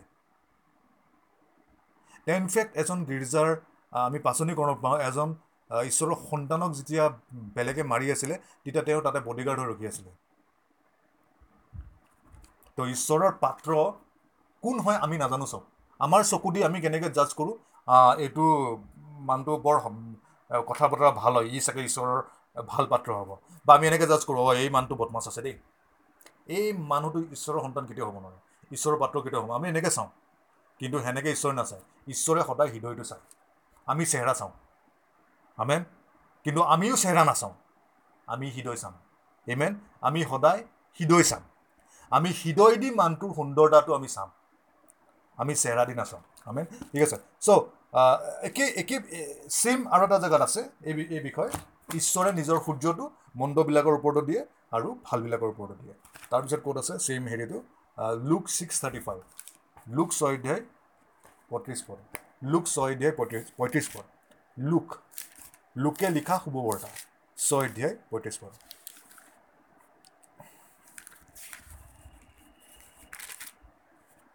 ছয় অধ্যায় পঁয়ত্ৰিছ পদ।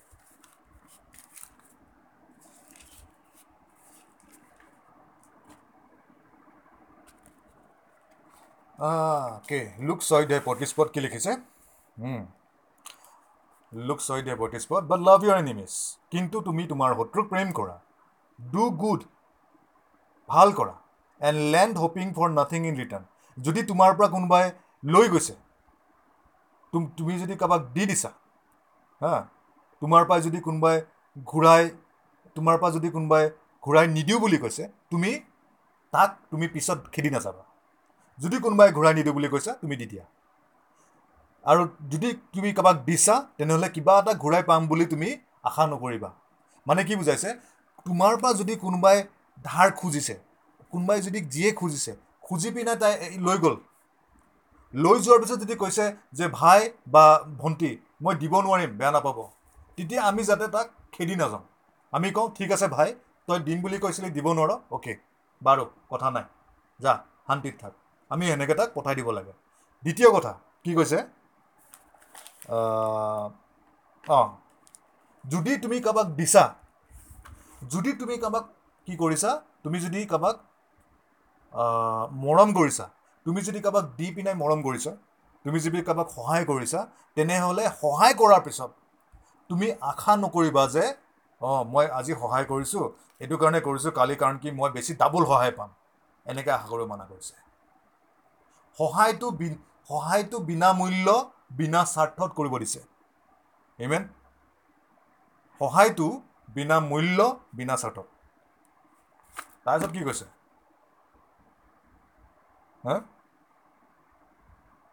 তুমি আশা নকৰিবা কিবা ঘূৰাই পাম বুলি। কাৰণ কি?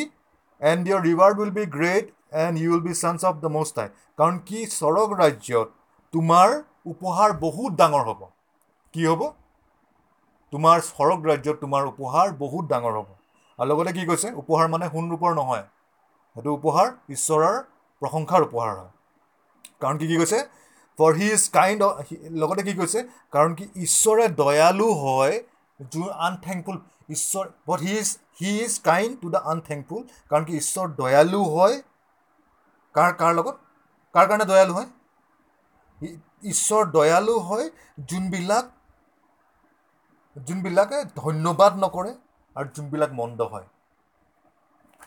কাৰণ কি ঈশ্বৰে দয়ালু হয় কাৰ কাৰণে? মন্দবিলাকৰ কাৰণে আৰু ধন্যবাদ নিদিয়াবিলাকৰ কাৰণে। এইমেন আৰু মন্দ মানুহ কেতিয়াও ধন্যবাদ নিদিয়ে তেওঁ। মন্দ মানুহবিলাকক আপুনি যিমানে সহায় কৰে মন্দ মানুহবিলাকে ওলোটাই কি কৰিব? এই মোক একো কৰাই নাই। মোক একোৱে কৰা নাই। মোক কি সহায় কৰিলে? মন্দ মানুহক যিমান সহায় কৰিব মন্দ মানুহে ওলোটাই কি কৰে? ধন্যবাদ নিদিয়ে। ওলোটাই ক'ব কি সহায় কৰিছে মোক? একো সহায় কৰা মই নিজে গোটেইখিনি কৰি লৈছোঁ এনেকৈ ক'ব। কিন্তু সেইবিলাক মানুহৰ কাৰণেও ঈশ্বৰ দয়ালু হয়। আমেন। আমিও সেই দয়ালু হ'ব চ' ঈশ্বৰৰ চৰিত্ৰটো কি হয়? ঈশ্বৰ দয়ালু হয়। তাৰমানে আমাৰ আমাৰ ওপৰত দয়া আছে নাই? যদি মন্দ মানুহৰ ওপৰত দয়া আছে আমাৰ ওপৰত কি আছে? ভাবি চাওক। আৰু আমি মাজে মাজে কি কৰে চিতনৰ কথা শুনি পিনে "আহ, ঈশ্বৰে ঈশ্বৰে বহুত বেয়া কৰিছে মোৰ জীৱনত। ঈশ্বৰে বেয়া নকৰে। ইমেন ঈশ্বৰে বেয়া নকৰে। চ' ক্লিয়াৰ তো বিশ্বাসৰ এইকেইটা পইণ্ট তিনিটা পইণ্ট মনত ৰাখিব তিনিটা পইণ্ট বাক্যবোৰ লিখি লৈছে নহয় লিখি ল'ব। আৰু যদি পিছত যদি কিবা সুধিবলগীয়া থাকে নিশ্চয় সুধিব। মই সদায় উপস্থিত আছোঁ ঈশ্বৰৰ সেৱা কৰিবৰ কাৰণে। অ'কে ক'ত গ'ল? ৰ'ব দেই মোৰ হেৰিখন পাতবিলাক উল্টি গ'ল ক'ব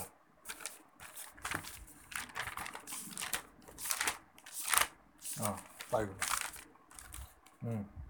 চ' এতিয়া এতিয়া কি চ' এতিয়া এতিয়া এতিয়া পইণ্টলৈ আহোঁ চ' ঈশ্বৰৰ আশীৰ্বাদবিলাক ঈশ্বৰৰ আশীৰ্বাদবিলাক তাৰমানে আমি ঈশ্বৰৰ আশীৰ্বাদ চালোঁ এফিচিয়া এক অধ্যায় তিনি তিনি চাৰি পদত ঈশ্বৰৰ আশীৰ্বাদবিলাক ঈশ্বৰৰ আশীৰ্বাদবিলাক আমি জানাৰ আগতে বা আমি পাপ কৰাৰ আগতেই ঈশ্বৰৰ আশীৰ্বাদবোৰ প্ৰস্তুত হ'ল। বুজি পাইছেনে আমি জানাৰ আগতে বা আমি পাপ কৰাৰ আগতে ঈশ্বৰৰ সকলো আশীৰ্বাদবিলাক উপস্থিত হ'ল এমেন আমি আজিহে গম পাইছোঁ যে খ্ৰী- খ্ৰীষ্ট যীশুত আমি কোন হয়। আমি আজিয়ে গম পাইছোঁ উদ্ধাৰৰ বিষয়ে। চব বস্তু আগতে আগতে উপস্থিত কৰি থৈছে। ঠিক আছে ঈশ্বৰে। লগতে এটা কথা জনা দৰকাৰ যেতিয়া আমি গীত গাওঁ বহুতে কয় যে যেতিয়া গীত প্ৰশংসা ওপৰলৈ যায় আশীৰ্বাদ তললৈ নামি আহে। কয়নে when praises goes up blessings of God come down যেতিয়া গীত প্ৰশংসা ওপৰলৈ যায় আশীৰ্বাদ তললৈ নামি আহে। সেইটো এটা ভুল ধাৰণা হয়। ঈশ্বৰে আমাৰ প্ৰশংসা কৰাটো দূৰে কথা। আমি ঈশ্বৰৰ বদনাম কৰি থাকোঁতেই আমি গম নাপালোঁ। বদনাম কৰাৰ আগতেই আগতে বহুত আগতে ঈশ্বৰে বদনাম কৰাৰ আগতেই গোটেই আশীৰ্বাদ উপস্থিত কৰি দিলে। চ' গীত প্ৰশংসা দি আশীৰ্বাদ ওপৰৰ পৰা নামি নাহে। কাৰণ কিয় নামি আহিব? যি নামিবলগীয়া আছিলে চব নামি আহিলেই। আৰু সেই আশীৰ্বাদ আমাৰ তাত পৰিপূৰ্ণৰূপে আছে। আমাৰ ভিতৰত। খ্ৰীষ্ট যীশুত আছোঁ ন আমি? আমাৰ ভিতৰত সেই আশীৰ্বাদ পৰিপূৰ্ণৰূপে আছে। হাতখন এখন হাত দাঙি পিনাই কওক। এখন হাত দাঙি পিনাই ক'ব। এখন হাত দাঙি পিনাই ক'ব। এখন হাত দাং যিটো এখন হাত মই সকলো আশীৰ্বাদেদি মই সকলো আত্মিক আশীৰ্বাদেদি আশীৰ্বাদ আশীৰ্বাদ পাইছোঁ। প্ৰভু যীশুখ্ৰীষ্ট ঈশ্বৰৰ যোগেদি। মই একো আশীৰ্বাদ পাবলগীয়া নাই। আমেন। আমি আশীৰ্বাদ পাবলগীয়া আছে? নাই। এফিচিয়া এক অধ্যায় চাৰি পদ। ঠিক আছে। চ' ক'ত আছিলোঁ? অঁ অ'কে। এতিয়া এতিয়া কথাটো হ'ল যে যে কেনেকে কেনেকে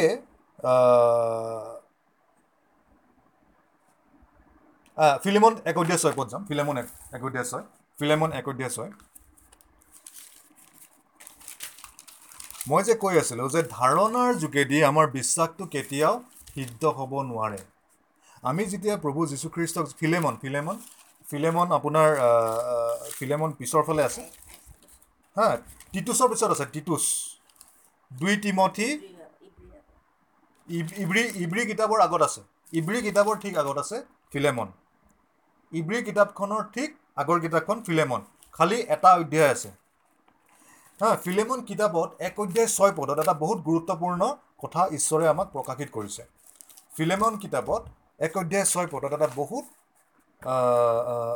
হেৰি গুৰুত্বপূৰ্ণ কথা আমাক মানে হেৰি কৰিছে। ফিলেমন ছয় পদ অকল ছয় পদ ফিলেমনত খালি এটা অধ্যায় আছে সেইটো কাৰণে ফিলেমন ছয় পদ বুলি চাওক ছয় পদটো চাওক। কি লিখিছে? That the sharing of your faith তোমাৰ বিশ্বাসৰ শ্বেয়াৰিং মানে তোমাৰ বিশ্বাসৰ মানে ইয়াতে বিশ্বাস হ'ল শুভবাৰ্তা। শ্বেয়াৰিং অফ ইয়াৰ ফেথ মানে শুভবাৰ্তা। যেতিয়া তোমাৰ শুভবাৰ্তাৰ তুমি যেতিয়া ঈশ্বৰৰ উদ্ধাৰৰ শুভবাৰ্তাটো প্ৰচাৰ কৰা সেইটো কথা কৈছে। ঈশ্বৰৰ শুভবাৰ্তাটো যেতিয়া প্ৰচাৰ কৰা কি কৈছে? The sharing of your faith may become effective যে তোমাৰ ঈশ্বৰৰ শুভবাৰ্তাটো প্ৰচাৰ কৰাত যাতে কি হয় ইফেক্টিভ হয়। কেনেকৈ হ'ব? By the acknowledgement of every good thing which is in you in Christ Jesus মানে সাধাৰণ স্বৰূপে একদম একদম মানে বহুত চিম্পল ভাষাত এইটো কৈছে। বহুত সহজ ভাষাত এইটো বুজাইছে যে তোমাৰ বিশ্বাস তোমাৰ বিশ্বাসৰ বিশ্বাসৰ মানে ইফেক্টটো বিশ্বাসৰ ইফেক্টটো বা বিশ্বাসৰ যোনটো বিশ্বাসৰ তোমাৰ বিশ্বাসৰ কাৰণে যোনটো ঈশ্বৰৰ শক্তি বা ঈশ্বৰৰ উদ্ধাৰ যোনটো প্ৰকাশিত কেতিয়া হ'ব যেতিয়া তুমি তোমাৰ ভিতৰত থকা সকলো ভাল বস্তুক তুমি কি কৰা জানি যোৱা প্ৰভু যীশুখ্ৰীষ্ট আমাৰ বিশ্বাসটো কেতিয়া বেছি প্ৰভাৱিত হয় আমাৰ বিশ্বাসটো কেতিয়া বেছি ঈশ্বৰৰ শক্তিৰে পৰিপূৰ্ণ হয় কেতিয়া অনুগ্ৰহত বেছি অনুগ্ৰহটো বেছি প্ৰকাশিত হয় যেতিয়া আমাৰ ভিতৰত আমি প্ৰভু যীশুখ্ৰীষ্টত যি হয় সেইটো আমি কোন হয় যাতে আমি ভালকৈ জানি যাওঁ ধাৰণাত নহয়। মানে প্ৰভু যীশুখ্ৰীষ্টত আমি কোন হয় সেইটোত আমি ধাৰণাত নহয় কিন্তু সিদ্ধৰূপে যাতে জানি যাওঁ। একনলেজমেণ্ট শব্দটো এপিগনচিছ হয়। ইয়াতে যোনটো efficient Philip Philemon chapter one verse ছিক্সত আছে সেইটো এপিগনচিছ হয় লিখি লওঁ এপিগনচিছ E P I G O' N O' S I S মই পিছত কৈ দিম এইটো শব্দ একো নাই আণ্টিহঁতক কৈ দিম এপিগনচিছ এপিগনচিছ মানে একজেক্ট প্ৰিচাইজ নলেজ বা প্ৰিচাইজ একজেক্ট নলেজ যি লিখোঁ। চ' আমাৰ বিশ্বাসটো বিশ্বাসটোৰ বিশ্বাসটোৰ জুইটো কেতিয়া মই মোৰ ভাষাত কৈছোঁ বিশ্বাসৰ জুইটো আমাৰ ভিতৰত কেতিয়া ভালদৰে লাগে যেতিয়া আমি সকলো ভাল বস্তু যীশুখ্ৰীষ্টই আমাক সকলো ভাল বস্তু যোনটো ঈশ্বৰে দিলে যেতিয়া আমি জানো তেতিয়া আমাৰ সেই বিশ্বাসটোত কি হয় এটা জুই লগাৰ নিচিনা হয়। এটা মই হেৰিত কৈছোঁ মানে দৃষ্টান্তত কৈছোঁ। আজি আমি যেনেকৈ গম পালোঁ ছিক্স ভাৰ্চ অঁ ঠিক আছে। তো ফিলেমন ফিলেমন এক অধ্যায় ছয় পদটো এনেকৈ কৈছে অঁ ছয় পদ। ফিলেমন ছয় পদটো এনেকৈ কৈছে। That the sharing of your faith sharing of your faith মানে শুভবাৰ্তাটোৰ জ্ঞান বা শুভবাৰ্তাটো প্ৰচাৰ কৰোঁতে শ্বেয়াৰিং অফ ইয়াৰ ফেথ মানে শুভবাৰ্তা ফেথ ইয়াতে মানে শুভবাৰ্তা বুজাইছে। শুভবাৰ্তাটো যেতিয়া আমি শ্বেয়াৰ কৰোঁ হা শুভবাৰ্তাটো শ্বেয়াৰ যেতিয়া আমি কৰোঁ সেইটো এফেক্টিভ কেতিয়া হ'ব? শুভবাৰ্তাটো শ্বেয়াৰ যেতিয়া শ্বেয়াৰ এইটো কৈছে যে শুভবাৰ্তাটো শ্বেয়াৰ কৰাটো এফেক্টিভ এফেক্টিভ মানে ইফেক্ট গম পাইছেনে? ইফেক্ট ছুপাৰ নেচাৰেল ইফেক্ট হা? তেতিয়া হ'ব যেতিয়া আমি প্ৰথমতে এপিগনচিছ মানে খ্ৰাইষ্টৰ এপিগনচিছটো জানিম যোনটো আমাৰ তাত আছে। আমি প্ৰভু যীশুখ্ৰীষ্টত কি আছে? এভৰি গুড থিং বুলি কৈছে নাই? সকলো আত্মিক আশীৰ্বাদটো এভৰি গুড থিং হয়নে নহয়? আমি যি সকলো আশীৰ্বাদটো পালোঁ সেইটো গুড থিং হয়নে নহয়? এভৰি গুড থিং যোনটো আমাৰ তাত আছে আমি যেতিয়া জানিম যে খ্ৰাইষ্টত আমি কোন হয় তেতিয়া আমাৰ শ্বেয়াৰিং অফ ফেথটো নিজে নিজে ইফেক্টিভ হৈ যায়। ধৰি পাইছ? এটা সময়ত আমি প্ৰেয়িং ইন টাংছ নাজানিছিলোঁ। এটা সময় আমি গিফ্টছ অফ দ্য স্পিৰিট নাজানিছিলোঁ। এটা সময়ত আমি বহুত বস্তু নাজানিছিলোঁ। তেতিয়া কি হৈছিলে? ইমান এফেক্টিভ হোৱা নাছিলে। বুজি পালি ক্লিয়াৰ যেতিয়া আমি জানিলোঁ তেতিয়া আমি বেছি ইফেক্টিভ হৈ গ'লো নাই? চ' এপিগনচিছে তোক এফেক্টিভ কৰে মানে এপিগনচিছে এটা বিশ্বাসীক বনায়। বুজিলি? ইমেন আচ্ছা ঠিক আছে? চ' মানে আমাৰ ভিতৰত আজি আমি কি গম পালোঁ আমাৰ ভিতৰত কি আছে? আমাৰ ভিতৰত আমি প্ৰভু যীশুখ্ৰীষ্টত আছোঁ আমি অনন্ত জীৱনত আছোঁ আমি ধাৰ্মিক আৰু পবিত্ৰ হয় এশ শতাংশ ঈশ্বৰে আমাক কৰিলে লগতে আমি সকলো ঈশ্বৰীয় আশীৰ্বাদ দি দি পৰিপূৰ্ণ হয়। লগতে কি হয়? আমাৰ তাত অনন্ত জীৱন আছে। লগতে আমি কি হয়? আমি ঈশ্বৰৰ মন্দিৰ হয়। লগতে আমি কি হয়? আমি জগতৰ জ্যোতি হয়। লগত জগতৰ জ্যোতিটো প্ৰভু যীশুখ্ৰীষ্ট কেনেকৈ কৈছে? এটা এখন চহৰ। যোনখন পাহাৰৰ ওপৰত আছে। জগতৰ জ্যোতিটো কেনেকৈ পৰি পৰিভাষা দিছে এখন চহৰ যোনটো পাহাৰৰ ওপৰত আছে। আমি জগতৰ জ্যোতি হয় মানে কি? জগতত বেলেগ জ্যোতি নাই এতিয়া আমিয়ে হয়। ঈশ্বৰৰ সন্তানবিলাকে জগতৰ জ্যোতি হয়। কোনবিলাক ঈশ্বৰৰ সন্তান হয়?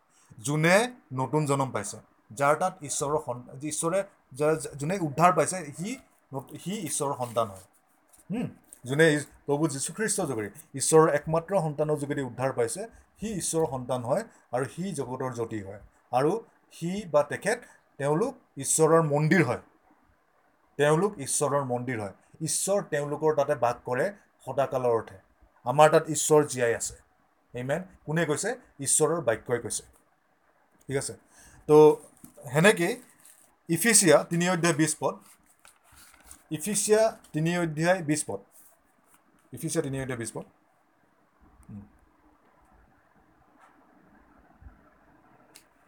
If you set a new database what?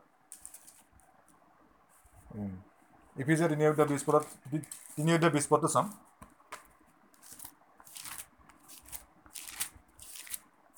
Notes lobby the notes. Notes lobby here. Notes. If you set a new database.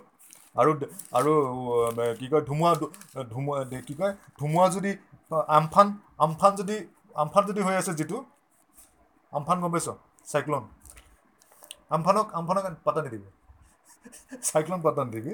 Ephesians তিনি অধ্যায় বিছ এয়াই তোৰ যি এয়াই তোৰ যি তোৰ নাম যিটো হয় নে নহয়? যিটো মানে জিতেন্দ্ৰ। মানে একো নাই জি ভিক্টৰী। তই যি নাম হয় সেইটো দি হয় তই। ইমেন তোৰ ঈশ্বৰে ভাবি চিন্তি যিটো দিছে তোৰ নামটো। মনত ৰাখিবি এই নামটোৰ সন্মানটো পূৰা উঠাই দিবি ইমেন সেইটো কাৰণে ধুমুহা আহিলে হাঁহিবি দুখ কৰিব দৰকাৰ নাই আহোঁ ধুমুহা আহিলে আমি হাঁহিব লাগে এইমেন কিয় ঈশ্বৰ আমাৰ লগত আছে ধুমুহা আহিলে আমি ভয় খাব নালাগে কি হ'ব এতিয়া এইমেন হাঁহিব লাগে তিনি অধ্যায় বিছ পদ এফিছে তিনি অধ্যায় বিছ পদ কি লিখিছে নাও টু হিম কেনেকৈ লিখিছে now to him who is able to do এতিয়া যোনজনে চব কৰিব পাৰে চব ভাল কৰিব পাৰে বুলি কৈছে যোনজনে চব ভাল কৰিব পাৰে বহুতাই ৰূপে আৰু লগতে কি কৈছে এভভ অল ডেট উই আক্স থিং আৰু আমি খোজাতকৈ বহুত ওপৰত বা চিন্তা কৰাতকৈ বহুত ওপৰত তেওঁ কৰিব পাৰে। কাৰ কথা কৈছে? আৰু লগতে কি কৈছে according to the power that works in us মানে এপিগনচিছটোৰ কথা কৈছে। এপিগনচিছটো। একৰ্ডিং টু দ্য পাৱাৰ মানে মোৰ যোনটো জ্ঞান থাকিব সেই জ্ঞানটোৱে মোৰ পাৱাৰ হয়। ঈশ্বৰৰ জ্ঞানটোৱে মোৰ শক্তি হয়। যেতিয়া ঈশ্বৰৰ সত্যটোৱে আমাৰ শক্তি হয় ফৰ এক্সাম্পল যেতিয়া আমি ঈশ্বৰৰ জ্ঞানটোত কমি থাকোঁ যেতিয়া আমি গম নাপাওঁ যেতিয়া আমি দুইমনীয়া হৈ থাকোঁ ঈশ্বৰে মাৰে ঈশ্বৰে কাটে ঈশ্বৰে আশীৰ্বাদপ্ৰাপ্ত ঈশ্বৰৰ নাম বা ঈশ্বৰে কেতিয়াবা দিয়ে ঈশ্বৰে কেতিয়াবা নিদিয়ে হে? এনেকুৱা জ্ঞানত যেতিয়া থাকোঁ তেতিয়া আমি ধাৰণাত আছোঁ। আৰু এই ধাৰণাত থকাৰ কাৰণে কি হয় ঈশ্বৰৰ শক্তিটো প্ৰকাশিত নহয়। মানে আমাৰ বিশ্বাসটো কি হয়? বিশ্বাসটো ফেইলিয়াৰ হয়। মিছা বিশ্বাস। ভুৱা বিশ্বাস ভুৱা। ধাৰণা হ'ল ভুৱা বিশ্বাস। চ' পৃথিৱীত মানুহবিলাকে ধাৰণাত ফচি আছে। এইমেন চেতানে পৃথিৱীত মানুহবিলাকক ধাৰণাত ফচাই দিছে। জানা দৰকাৰ। চব মানুহে ধাৰণাত গৈ আছে। ধাৰণা ধাৰণা ধাৰণা। চব মানুহ যোনে ঈশ্বৰৰ বাক্য নাজানে বাণী নাজানে তেওঁলোকে ধাৰণাত খোজকাঢ়ি আছে। আৰু ধাৰণাত খোজকাঢ়ি থকাৰ কাৰণে তেওঁলোকে কি কৰে আজি যি আজি তেওঁলোকে বতৰ চাই পিনে চলে বতৰ। আজি বতৰটো ডাৱৰীয়া হৈছে বৰষুণ দিব বানপানী হ'ব ধাৰণা। যোৱাকালি ভূমিকম্প আহিছিলে আজিও হ'ব। ৰাইট ধাৰণা। কোনে ক'লে তেওঁলোকক? ধাৰণা। চেইটানে কৈ থাকে। আমাৰ ওচৰ চুবুৰীয়া কোনোবা কিবা এটা দুৰ্ঘটনা হ'ল আমাৰো হৈ যাব। ধাৰণা। মই ভাল কাম কৰি থাকিম ভাল কাম কৰি থাকিম ভাল কাম কৰি থাকিম মই পুণ্য কৰি থাকিম মই ধাৰ্মিক কাম কৰিম মই এইবিলাক কৰিম সেইবিলাক কৰিম মই দুখীয়াক দিম দান দিম তেতিয়া মই মোক ঈশ্বৰে আশীৰ্বাদ দিব ধাৰণা। মই চব ধৰণৰ ভাল কাম কৰি থাকিম। আজি ৰাতিকে মদ খালে খালোঁ মানে ৰাতিকে যি কৰিলোঁ কৰিলোঁ মই। নেক্সট দিনাখন মই ভাল কাম কৰিম আৰু মই ঈশ্বৰৰ আশীৰ্বাদ পাম ধাৰণা। কাৰণ ঈশ্বৰে কি কৈছে?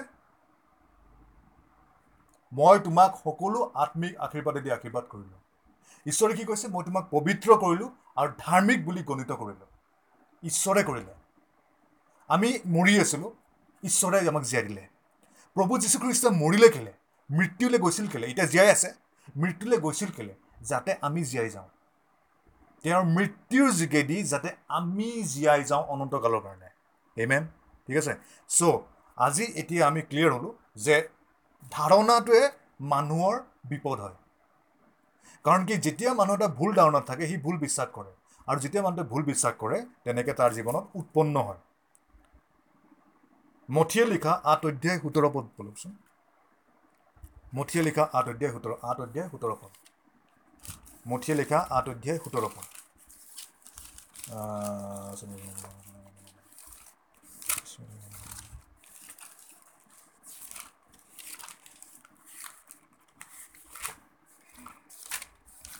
যিটো তই যদি জোৰতৰ ফালে আহ জোৰতৰ ফালে যদি আহ মোক আগতে ফোন কৰি বা মেছেজ কৰি জনাই দিবি হা। চিষ্টাৰ প্ৰভাক মানে ইমেইলটো এইটো চলাবলৈ কাৰণে শিকাই দিব লাগিব। মেথিউ মঠি আঠ অধ্যায় সোতৰ আহ, মঠি আঠ অধ্যায় সোতৰ পদ কি লিখিছে? কি লিখা আছে? ভালকৈ পঢ়িম দেই। একদম হৃদয় পূৰা হৃদয় দি। ঈশ্বৰৰ বাক্য একদম আধা হৃদয় দি পঢ়িব নালাগে। ঈশ্বৰৰ সহভাগিতাত আধা হৃদয় দি থাকিব নালাগে। পূৰা হৃদয় দি থাকিব লাগে। কাৰণ কি সেইটো সময় আমি ঈশ্বৰৰ লগত ঈশ্বৰৰ পৰা ঈশ্বৰৰ লগত আমি কি পাওঁ? ঈশ্বৰৰ পৰা ধৰক আমি ৰুটি খাওঁ বুলি ক'ব পাৰোঁ। আমি আত্মিক আহাৰ খাওঁ ঈশ্বৰৰ পৰা। আত্মিক আহাৰে আমাক শক্তিশালী বনাই ৰাখে। তেনেকুৱা ওঠৰ এইটো নহয়। এক মিনিট এইটো নহয়। আঠ অধ্যায় ওঠৰ নহয় সোতৰ নহয়।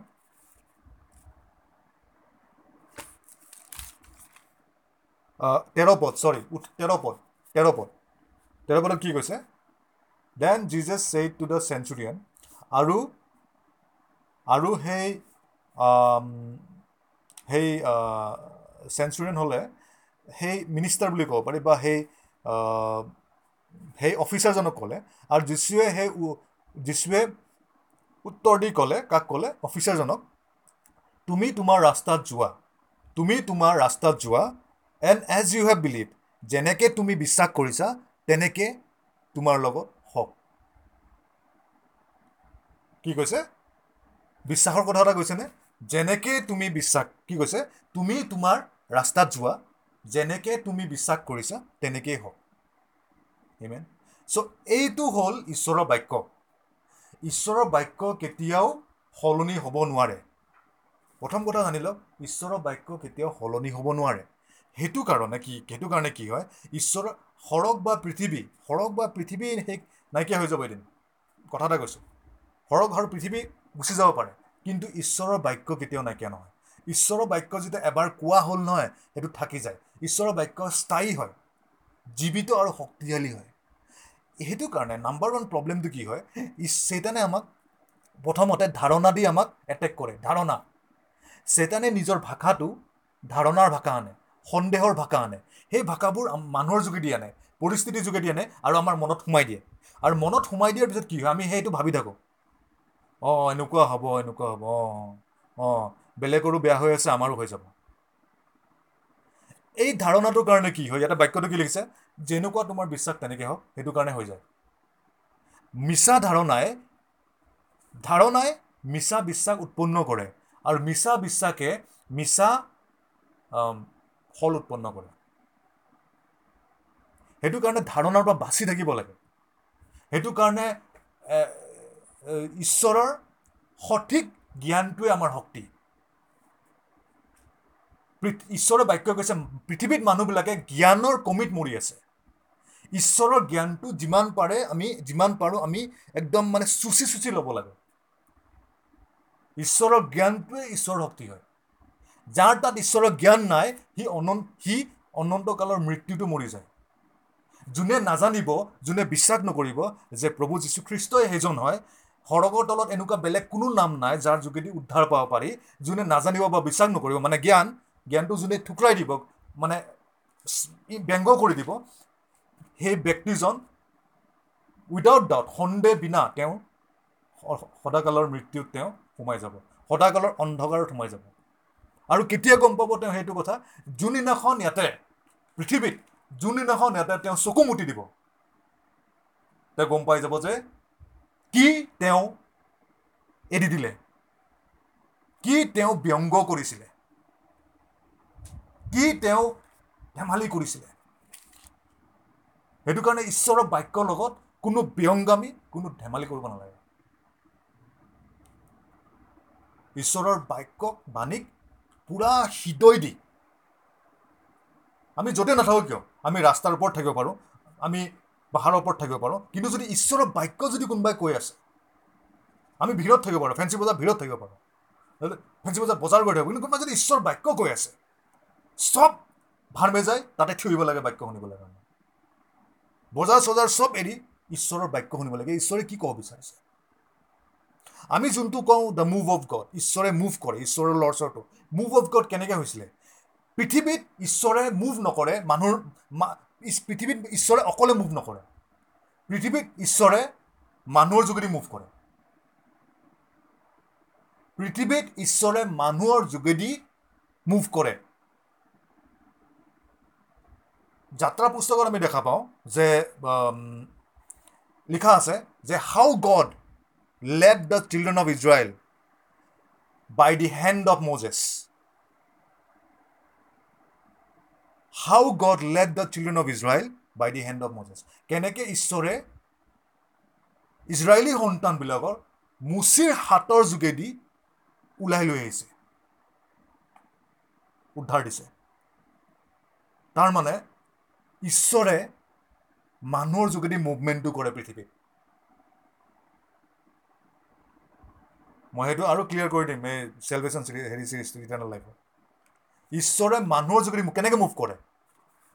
ঈশ্বৰে মানুহৰ যোগেদি কেনেকৈ মুভ কৰে? মুচিৰ যোগেদি নিজৰ উদ্ধাৰৰ বিষয়ে কৈছিলে নিজৰ উদ্ধাৰৰ বিষয়ে কৈছিলে। এব্ৰাহামৰ বিষয়ে দি এব্ৰাহামৰ যোগেদিও কৈছিলে। ছাৰাৰ যোগেদিও কৈছিলে। ডেভিড দাউদৰ যোগেদিও কৈছিলে। চলোমনৰ যোগেদিও কৈছিলে। জচুৱাৰ যোগেদি কৈছিলে। খালেবৰ যোগেদি কৈছিলে। হচিয়াৰ বিষয় যোগে- যোগেদি কৈছিলে। দানিয়েলৰ যোগেদি কৈছিলে। চ' সেইবিলাক মুভ অফ গড হয়। যেতিয়াই কোনোবাই শুভবাৰ্তা প্ৰচাৰ কৰিছে সেইটো মুভ অফ গড হয়। মনত ৰাখিব। যেতিয়াই শুভবাৰ্তা কোনোবাই প্ৰচাৰ কৰি আছে সেইটো ঈশ্বৰে মুভ কৰিছে। ঈশ্বৰৰ বাণী ঈশ্বৰৰ মুখৰ পৰা ওলায়। চিম্পুল যেতিয়ালৈকে মই কথা নকওঁ মোৰ বাণী ওলাব নোৱাৰে। আমেন যেতিয়ালৈকে আমি কথা নকওঁ যেতিয়ালৈকে আমি মুভমেণ্ট নকৰোঁ আমি মুভ হ'ব নোৱাৰোঁ। যেতিয়ালৈকে আমি মুখখন নচলাওঁ বাণী নোলায় যদি মই মুখখন চলাই আছোঁ তাৰমানে মই মুভ কৰি আছোঁ। এমেন আমি যদি মুখখন খুলি আছোঁ আমি কিবা যদি কৈ আছোঁ হা যিয়ে কথা কৈ আছোঁ তাৰমানে আমাৰ আমি মুভ কৰি আছোঁ। শুভবৰ্তাটোৰ সময়টো হ'ল ঈশ্বৰৰ মুভ কৰা দ্য মুভ অফ গড ঈশ্বৰৰ আত্মাৰ মুভমেণ্ট হয়। আৰু সেইটো যোনে দেখা পায় সেইটো চাবলৈ কাৰণে আমাক জ্ঞান লাগিব। নহ'লে আমি কি বুলি ভাবিম? আ লেকচাৰ এটা চলি আছে। ধৰ্মৰ কথা চলি আছে। আমি সেনেকৈ চাম।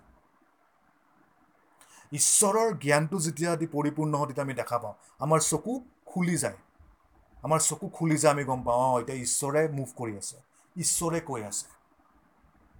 ঈশ্বৰে কৈ আছে। ঈশ্বৰৰ জ্ঞানে যেতিয়া আমি পৰিপূৰ্ণ হৈ যাওঁ আমি গম পাওঁ অঁ ঈশ্বৰে কৈ আছে। ঈশ্বৰে মোক কিবা ক'ব বিচাৰিছে। ঈশ্বৰে মোক ক'ৰবাত কোনবা মোক কোনোবা ফালে ডাইৰেকশ্যনটো নিব বিচাৰিছে। বেলেগ ফালে ল'ব বিচাৰিছে। মই হয়তো ইফালে গৈ আছোঁ মোক ইফালে নিব বিচাৰিছে। আশীৰ্বাদ প্ৰাপ্ত সেইটো ঈশ্বৰৰ সন্তান যোনে নিজৰ দেউতাকক খোজকাঢ়া দেখি পাই থাকে। আশীৰ্বাদ প্ৰাপ্ত সেই সন্তানটো যোনে জানে আ দেউতাই মোক এতিয়া কৈ আছে। আত্মাত যোনে গম পায়। যাৰ চকু খোলা। আশীৰ্বাদ প্ৰাপ্ত সেই সন্তান যোনে নিজৰ দেউতাকৰ কাৰণে চব এৰি দিয়ে। নিজৰ ঘৰ নিজৰ বাৰী চব এৰি দিয়ে নিজৰ দেউতাকৰ কাৰণে। সেইটো কাৰণে ঈশ্বৰৰ মুভমেণ্টটো কি হয়? ঈশ্বৰৰ মুভমেণ্টটোক আমি ব্যংগ কৰিব নালাগে। আমি ব্যংগ তেতিয়া কৰোঁ যেতিয়া আমি আধা হৃদয় লৈ পিনে ঈশ্বৰক শুনি থাকোঁ। যেতিয়া আমি চেলেং পেটেং হৈ পিনে আমি কামবিলাক কৰি থাকোঁ ঈশ্বৰৰ যেতিয়া আমি চেৰি নহওঁ চিজিল নহওঁ ঈশ্বৰৰ আৱাজত। ঈশ্বৰৰ আৱাজক ব্যংগ কৰি পিনে মানুহবিলাক নৰকত পাবগৈ গৈ। আমি উদ্ধাৰ পালোঁ কিন্তু বহুত মানুহ ব্যংগ কৰাৰ কাৰণে নৰকত আছে আজি আৰু থাকিব। সেইটো ঈশ্বৰৰ বাক্যই কয়। মই কোৱা নাই মোৰ লিখা কিতাপ নহয় মোৰ দেউতাই লিখা কিতাপ নহয় মোৰ মোৰ নিজৰ দেউতা মানে মোৰ জন্ম দিয়া দেউতাৰ কথা কৈছোঁ। মোৰ মোৰ মোৰ মোৰ কি বুলি কয় মোৰ মোৰ মোৰ মোৰ ককাই লিখা কিতাপ নহয় এখন। এখন কিতাপ মোৰ ককাই লিখা কিতাপ নহয়। আমাৰ ককাই লিখা কিতাপ নহয়। এখন কিতাপ ঈশ্বৰৰ পবিত্ৰ বাণী হয়। ঈশ্বৰৰ জীৱিত বাণী হয়। এখন ধেমালি নহয়। এখন চিৰিয়াছলি এখন ইমান চিৰিয়াছলি ল'ব লাগে আমাৰ টকা পইচাতকৈ বেছি চিৰিয়াছলি ল'ব লাগে। কাৰণ কি টকা পইচা খৈনীয় হয়। ধন সম্পত্তি খৈনীয় হয়। মোৰ বিল্ডিং মোৰ গাড়ী আমাৰ আমাৰ বিল্ডিং আমাৰ গাড়ী আমাৰ এই পজিশ্যন সন্মানৰ ছ'চাইটি এইবিলাক এইবিলাক টেম্পৰাৰী হয়। এইবিলাক সদাকালে নাথাকে এইবিলাক এনেকৈ নাইকিয়া হৈ যাব। দুই মিনিটত নাইকিয়া হৈ যাব এইবিলাক। যেতিয়া টাইম আহিব যোনদিনাখন যীচু আহিব। এইবিলাক থাকিব নেকি? মোৰ ইয়াতে মই যদি সোণৰ খৈনী দহটা কিনো সেইকেইটাও নাইকিয়া হৈ যাব। মই একো লৈ অহা নাছিলোঁ একো লৈ যাব নোৱাৰোঁ ইয়াৰ পৰা মই। মোৰ চব মোৰ ঘৰত আছে তাতে আমাৰ চব। সেইটো কাৰণে ইয়াতে ইয়াতে এইবিলাক বস্তু যেতিয়া আমি পৃথিৱীখনত থাকোঁ আমি জানিব লাগিব এইবিলাক টেম্পৰাৰী হয়। অনবৰতে সেই জ্ঞানটোত খোজকাঢ়িব লাগিব। এইবিলাক টেম্পৰাৰী হয়। যাক মই যিবিলাক বস্তু মই অভিলাষা কৰি আছোঁ গাড়ী হওক ধন হওক চাকৰি হওক যিয়ে হওক এইবিলাক টেম্পৰাৰী হয়। এইবিলাকত মই মোৰ পাৰ্মানেণ্ট মনটো দিব নালাগে। টেম্পৰাৰী বস্তুত টেম্পৰাৰী মন দিব লাগে। পাৰ্মানেণ্ট বস্তুত পাৰ্মানেণ্ট মন দিব লাগে। সেইটোৱে জ্ঞানী মানুহৰ কাম। ইমেন চ' জ্ঞানটো চবতকৈ ডাঙৰ কথা। ঈশ্বৰৰ জ্ঞানটোৱে আমাক ঈশ্বৰৰ শক্তিত পৰিপূৰ্ণ কৰে। ঈশ্বৰৰ জ্ঞানটো যেতিয়া কমি থাকিব আমি বিশ্বাসত কমি থাকিব। বিশ্বাসত কমি থকা মানে ঈশ্বৰৰ শক্তিত কমি থকা। মানে ঈশ্বৰৰ শক্তি আমি থাকিলেও আমি ব্যৱহাৰ কৰিব নোৱাৰিম। আমি ঈশ্বৰৰ শক্তি নোহোৱা মানুহ নিচিনাকৈ আমি ফচি যাওঁ চেতনাৰ সেইটো কাৰণে ঈশ্বৰৰ জ্ঞানটো ক'ত আছে? ঈশ্বৰৰ জ্ঞানটো ঈশ্বৰৰ বাণীত আছে। ঈশ্বৰৰ বাণীটো পূৰা হৃদয় খুলি পিনে গ্ৰহণ কৰিব লাগে। ঈশ্বৰৰ বাণীটো পূৰা কাণ টান কাণ পূৰা একদম চিধা কৰি পিনে শুনিব লাগে। কাণ পূৰা আঠা লগাই দিব লাগে ঈশ্বৰৰ বাণীৰ লগত কাণখন। কাণখন আঠা লগাই দিব লাগে ঈশ্বৰৰ বাণীৰ লগত। সেইটোহে আচল সঠিক হৃদয়। আমি সদায় নিজৰ হৃদয়টো নিজৰ আমাৰ হৃদয়টো যদি নিমিলে ঈশ্বৰৰ লগত সেইটো হ'ল মন্দ হৃদয়। সেইটো হৃদয় দলি মাৰি দিব লাগে পেলাই দিব লাগে। সেই হৃদয়টোৰ কাৰণ কি? আমাকো বিপদত পেলাব পাৰে বেলেগকো। ঈশ্বৰৰ হৃদয়টো সদায় আমাৰ তাত থাকিব লাগে। এমেন আৰু সেই ঈশ্বৰৰ হৃদয়টো কি হয়? ঈশ্বৰৰ বাণী। আমেন ঈশ্বৰৰ বাণী। তো আমি এইখিনিতে আমি প্ৰাৰ্থনা কৰিম কিন্তু মই এবাৰ ৰিপিট কৰি দিছোঁ আৰু গোটেই সপ্তাহটো সেইটো মনত ৰাখিব। প্ৰথম কথাটো হ'ল যে ঈশ্বৰে খুলি পিনাই দিয়ে ঈশ্বৰে খুলি দি থৈ দিছে। দ্বিতীয় কথা দ্বিতীয় পইণ্ট ঈশ্বৰে ঈশ্বৰে নামাৰে ঈশ্বৰে নাকাটে। আমি যিবিলাক শুনি আহিছিলোঁ যে ঈশ্বৰে নম্ৰ কৰিবৰ কাৰণে কিবা কৰিছে সেইবিলাক নহয়। আমাক যি লাগে চব ৰেডি আছে খালি বিশ্বাসৰ যোগেদি গ্ৰহণ কৰিব লাগে। আৰু আমি প্ৰাৰ্থনাটোত গ্ৰহণ কৰিম আৰু অহা সপ্তাহত আকৌ ফে অহা সপ্তাহত আমি আগবাঢ়ি গৈ থাকিম এইটো বস্তুত এইখিনি বস্তুতে। দ্বি- তৃতীয় কথাটো কি আছিলে? তৃতীয় কথাটো আছিলে যে দুইমনীয়া কোন হয়? যোনে ভাবে যে ঈশ্বৰে দিয়ে বা ঈশ্বৰে নিদিয়ে। ঈশ্বৰে দিব পাৰে বা ঈশ্বৰে নিদিব দিব নোৱাৰে। হয়তো ঈশ্বৰে মোক বেয়া পায় হয়তো ঈশ্বৰে মোক ভাল নাপায় সেইটো কাৰণে। ঈশ্বৰে আমাক অনন্তকালৰ প্ৰেমেদি প্ৰেম কৰে। এইমেন ঈশ্বৰে আমাক অনন্তকালৰ প্ৰেমেদি প্ৰেম কৰে। এটা অন্তিম বাক্য চাম আৰু প্ৰাৰ্থনা কৰিম। আৰু এই বাক্যটো চিৰকালৰ কাৰণে তিনিটা বাক্য চিৰকালৰ কাৰণে থাৰ্টিন চিৰকালৰ কাৰণে হৃদয়ত ৰাখিব। এই যিচয়া লিখা কিতাপ যিচয়া যিচয়া যিচয়া পুৰণি নিয়মত আছে যিচয়া লিখা কিতাপ ফৰ্টি থ্ৰী ত্ৰি ত্ৰিছ হা তেৱন তেৱন ফৰ্টি থ্ৰী তিৰাল্লিছ তিৰাল্লিছ আণ্টি তিৰাল্লিছ তিৰাল্লিছ অধ্যায় তিনি পদ তিৰাল্লিছ অধ্যায় তিনি পদ উম।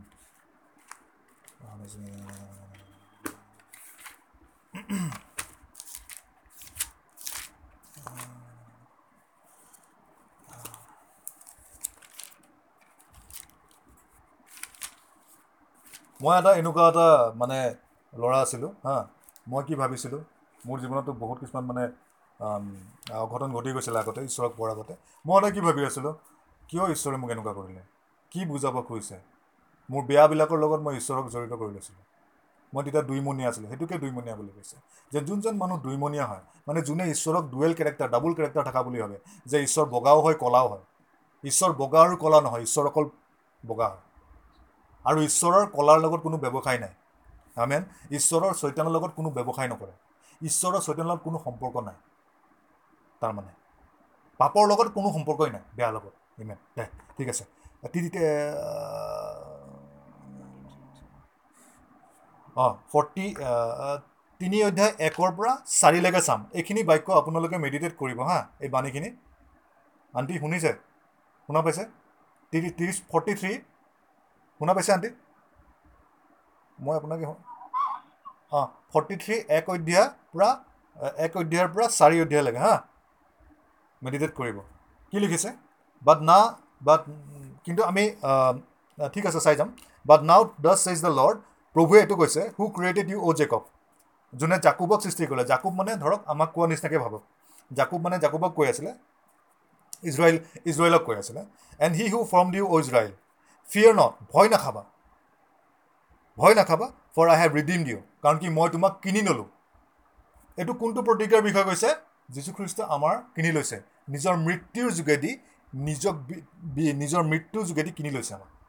For I have redeem you I have called you by your name you're mine মই তোমাক মই তোমাক পৰিত্ৰাণ দিলোঁ মই তোমাক নাম কৰি মাতিছোঁ তুমি মোৰ হয়।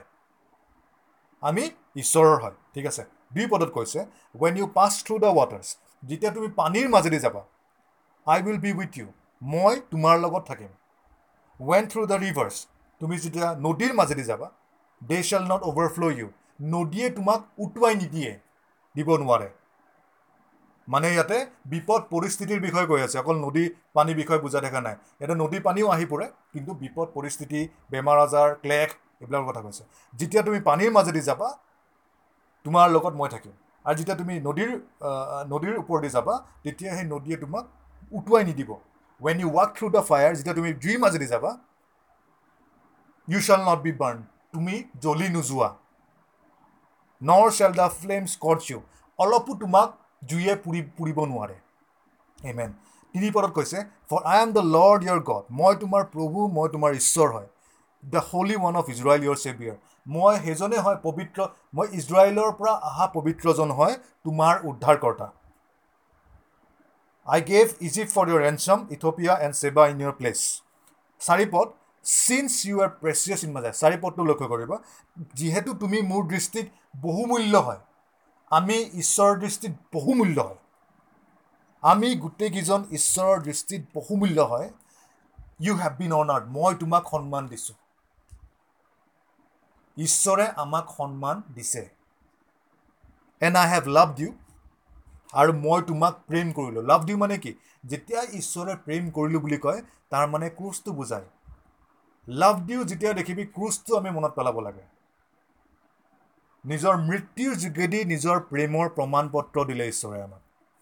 এইমেন নিজৰ মৃত্যুৰ যোগেদি ঈশ্বৰে যে আমাক কিমান প্ৰেম কৰে ঈশ্বৰৰ প্ৰেমটো অনন্তকালৰ কাৰণে আছে। দেউতাই অনবৰতে যে আমাক প্ৰেমেদি পৰিপূৰ্ণ কৰি ৰাখিছে নিজৰ সেইটোৰ প্ৰমাণটো হ'ল যেতিয়া ঈশ্বৰৰ প্ৰেমৰ বিষয়ে শুনো তাৰ প্ৰমাণটো আমি দেখা পাওঁ ক্ৰুচ মানে প্ৰেম বুলি ক'লে আমি ক্ৰছটো দেখা পাওঁ। You are precious in my sight you have been honoured and I have love you therefore I'll give men for you and people for your life যিহেতু তুমি মোৰ কাৰণে মূল্যৱান আছিল মূল্যৱান হয় মই তোমাক ভাল পালোঁ মানে মই তোমাৰ কাৰণে বলিদান হ'লোঁ হা আৰু মই তোমাক সন্মান কৰিলোঁ। অনন্তকালৰ এইকেইটা। সন্মান কৰিলোঁ মানে কালি সন্মানটো গুচি নাযায় পুৰুষি আকৌ গুচি নাযায়। ঈশ্বৰৰ যোনটো আশীৰ্বাদ হয় সেইটো গুচি নাযায়। ঈশ্বৰৰ প্ৰেমটো আশীৰ্বাদ হয়। ঈশ্বৰৰ সন্মানটো আশীৰ্বাদ হয়। ঈশ্বৰে যে আমাক বহুমূল্য লৈছে সেইটো আশীৰ্বাদ হয়। ঠিক আছে ইমেন আমেন? তো আমি হাত উঠাই প্ৰাৰ্থনা কৰিম। আহক হাতখন উঠাব। দুখন হাতে উঠক। অঁ দু এবাৰ এখন অঁ দুখন হাতে উঠক। ঠিক আছে হ'ব প্ৰাৰ্থনা কৰিম। দেউতা দেউতা মই ধন্যবাদ দিছোঁ। শুনা পাই আছে? অঁ দেউতা মই ধন্যবাদ দিছোঁ। তুমি মোক তোমাৰ অনন্তকালৰ প্ৰেমেদি প্ৰেম কৰিলা। তোমাৰ বলিদানৰ যোগেদি মোক প্ৰেম কৰিলা। আৰু এই প্ৰেম কেতিয়াও কমি নাযায়। তুমি মোক সন্মান কৰিলা আৰু এই সন্মান কেতিয়াও কমি নাযায় কেতিয়াও নাইকিয়া হৈ নাযায়। তুমি মোক উদ্ধাৰ কৰিলা। মই যেতিয়া তোমাৰ শত্ৰুৱে আছিলোঁ তুমি মোৰ কাৰণে মৃত্যু ল'লা। মই তোমাৰ জ্ঞানেদি পৰিপূৰ্ণ হয়। মই তোমাৰ বাটত চিৰকালৰ কাৰণে খোজকাঢ়িম চেইতানে কেতিয়াও ধাৰণা দি মোক ফচাব নোৱাৰে। মই জ্ঞানত পৰিপূৰ্ণ হয়। মই সকলো আত্মিক আশীৰ্বাদেদি পৰিপূৰ্ণ হয়। মই আৰু মোৰ জীৱনটো পোহৰেদি পৰিপূৰ্ণ হয়। মই পৃথিৱীৰ কাৰণে এটা আশীৰ্বাদপ্ৰাপ্ত পাত্ৰ হয়। মই জগতৰ জ্যোতি হয়। মই তোমাৰ মন্দিৰ হয়। মই নতুন সৃষ্টি হয়। ধন্যবাদ দিছোঁ। মই পবিত্ৰ আৰু ধাৰ্মিক হয়। তুমি কৰিলা মোক। মোক মৃত্যুৰ পৰা প্ৰভু যীশুখ্ৰীষ্টৰ উদ্ধাৰৰ যোগেদি মোক তুমি সদাকালৰ অৰ্থে জীয়াই দিলা। মই পবিত্ৰ আৰু ধাৰ্মিক হয়। তোমাৰ ধাৰ্মিকতা মোক পিন্ধালা। তোমাৰ শক্তি দি মই পৰিপূৰ্ণ হয়। তোমাৰ শক্তি এতিয়া কাম কৰি আছে বহুতাই ৰূপে। তোমাৰ মহিমা এতিয়া কাম কৰি আছে বহুতাই ৰূপে। মোৰ তাত মোৰ জীৱনত মোৰ মূৰৰ পৰা ভৰি তললৈকে মোৰ পৰিবাৰত মোৰ বৰ্তমানত মোৰ ভৱিষ্যতত। কোনো ধৰণৰ বেমাৰ আজাৰ কোনো ধৰণৰ ক্লেশ মোৰ জীৱনত আহিব নোৱাৰে। প্ৰভু যীশুখ্ৰীষ্টৰ নামত কৰিছোঁ। মোৰ লাগতিয়াল সকলো বস্তু মই গ্ৰহণ কৰিছোঁ আৰু মই পালোঁ বুলি বিশ্বাস কৰিছোঁ। মোৰ সকলো জৰুৰী বস্তু তুমি মোক দিলা। এই প্ৰাৰ্থনা মোৰ উদ্ধাৰকৰ্তা প্ৰভু যীশুখ্ৰীষ্টৰ নামত কৰিছোঁ। আমেন। মই পবিত্ৰ আত্মা দি পৰিপূৰ্ণ হয় অনবৰতে থাকোঁ। মই অন্য ভাষাত অনবৰতে প্ৰাৰ্থনা কৰোঁ। আমেন। আচ্ছা চকু বন্ধ কৰে চকু বন্ধ কৰে মই প্ৰাৰ্থনা ফাইনেল প্ৰাৰ্থনা কৰিছোঁ। দেউতা মই ধন্যবাদ দিছোঁ যে তোমাৰ আশীৰ্বাদেদি তোমাৰ সকলো আত্মিক আশীৰ্বাদেদি আমাক আশীৰ্বাদ কৰিলা। আমি তোমাৰ আশীৰ্বাদত পৰিপূৰ্ণ হয় তোমাৰ অনুগ্ৰহত পৰিপূৰ্ণ হয় তোমাৰ জ্ঞানত পৰিপূৰ্ণ হয়। তোমাৰ বাক্য আমাৰ হৃদয়ত মোহৰ লাগি গৈছে। তোমাৰ বাক্য আমি কেতিয়াও পাহৰিব নোৱাৰোঁ। তোমাৰ বাক্যত আমাৰ কাণকেইখন আঠা লগাই লৈছোঁ। তোমাৰ বাক্যত আমাৰ হৃদয়খন আঠা লগাই লৈছোঁ যাতে আমাৰ মনটো ইফাল সিফাল নকৰোঁ। আমি আমি আমি আমি জানো দেউতা যে তুমি সকলো প্ৰাৰ্থনা আমাক খুলি তুমি তুমি যিয়ে তোমাক খোজোঁ তুমি সকলো বস্তু আমাক খুলি পিনাই দিছা। তুমি কেতিয়াও আমাক দুখ ধৰি ধৰি বস্তু নিদিয়া। তুমি কোনো দুখ অপৰাধ আমাৰ ধৰা নাই আৰু কেতিয়াও নধৰাও। তুমি আমাক তুমি আমাক যেতিয়াই চোৱা তোমাৰ চকুত আমি বহুমূল্য হয়। আমি সন্মানীয় পাত্ৰ হয়। তোমাৰ সন্তান হয়। আমি আমাৰ আমি জগতৰ কাৰণে জগতৰ জ্যোতি হয়। আৰু আমি গোটেই জগতখনৰ কাৰণে আশীৰ্বাদ প্ৰাপ্ত হয়। আমাৰ আমি সোনকালে আৰু আমি জানো তোমাৰ ভাষা আৰু তোমাৰ আৱাজ আমি সোনকালে বুজি পাওঁ। ধন্যবাদ দিছোঁ। ধন্যবাদ দিছোঁ। আমাৰ জীৱনটো আৰু আমাৰ ফেলোশ্বিপটো আমাৰ চাৰ্চটোত তোমাৰ শক্তি বহুতা ৰূপে কাম কৰি আছে তোমাৰ মহিমা বহুতা ৰূপে কাম কৰি আছে আমি দেখিছোঁ। আমাৰ ঘৰ পৰিবাৰত কেতিয়াও আৰু আমাৰ গীৰ্জাত কেতিয়াও তুম কোনো ধৰণৰ ক্লেশ বেমাৰ আজাৰ আহিব নোৱাৰে। প্ৰভু যীশুখ্ৰীষ্টৰ নামত। আমাৰ গীৰ্জাটো তোমাৰ ইচ্ছা আৰু তোমাৰ হৃদয়েদি তোমাৰ পোহৰেদি বাঢ়ি গৈ আছে আৰু বহুত বাঢ়ি গ'লে আৰু তেওঁলোকে নিজৰ যোনটো যোনখিনি কাম আছিলে সেইখিনি আনন্দৰে শেষ কৰিলে। এই প্ৰাৰ্থনা প্ৰভু যীশুখ্ৰীষ্টত কৰিছোঁ আমেন। অ'কে হ'ব। হেৰি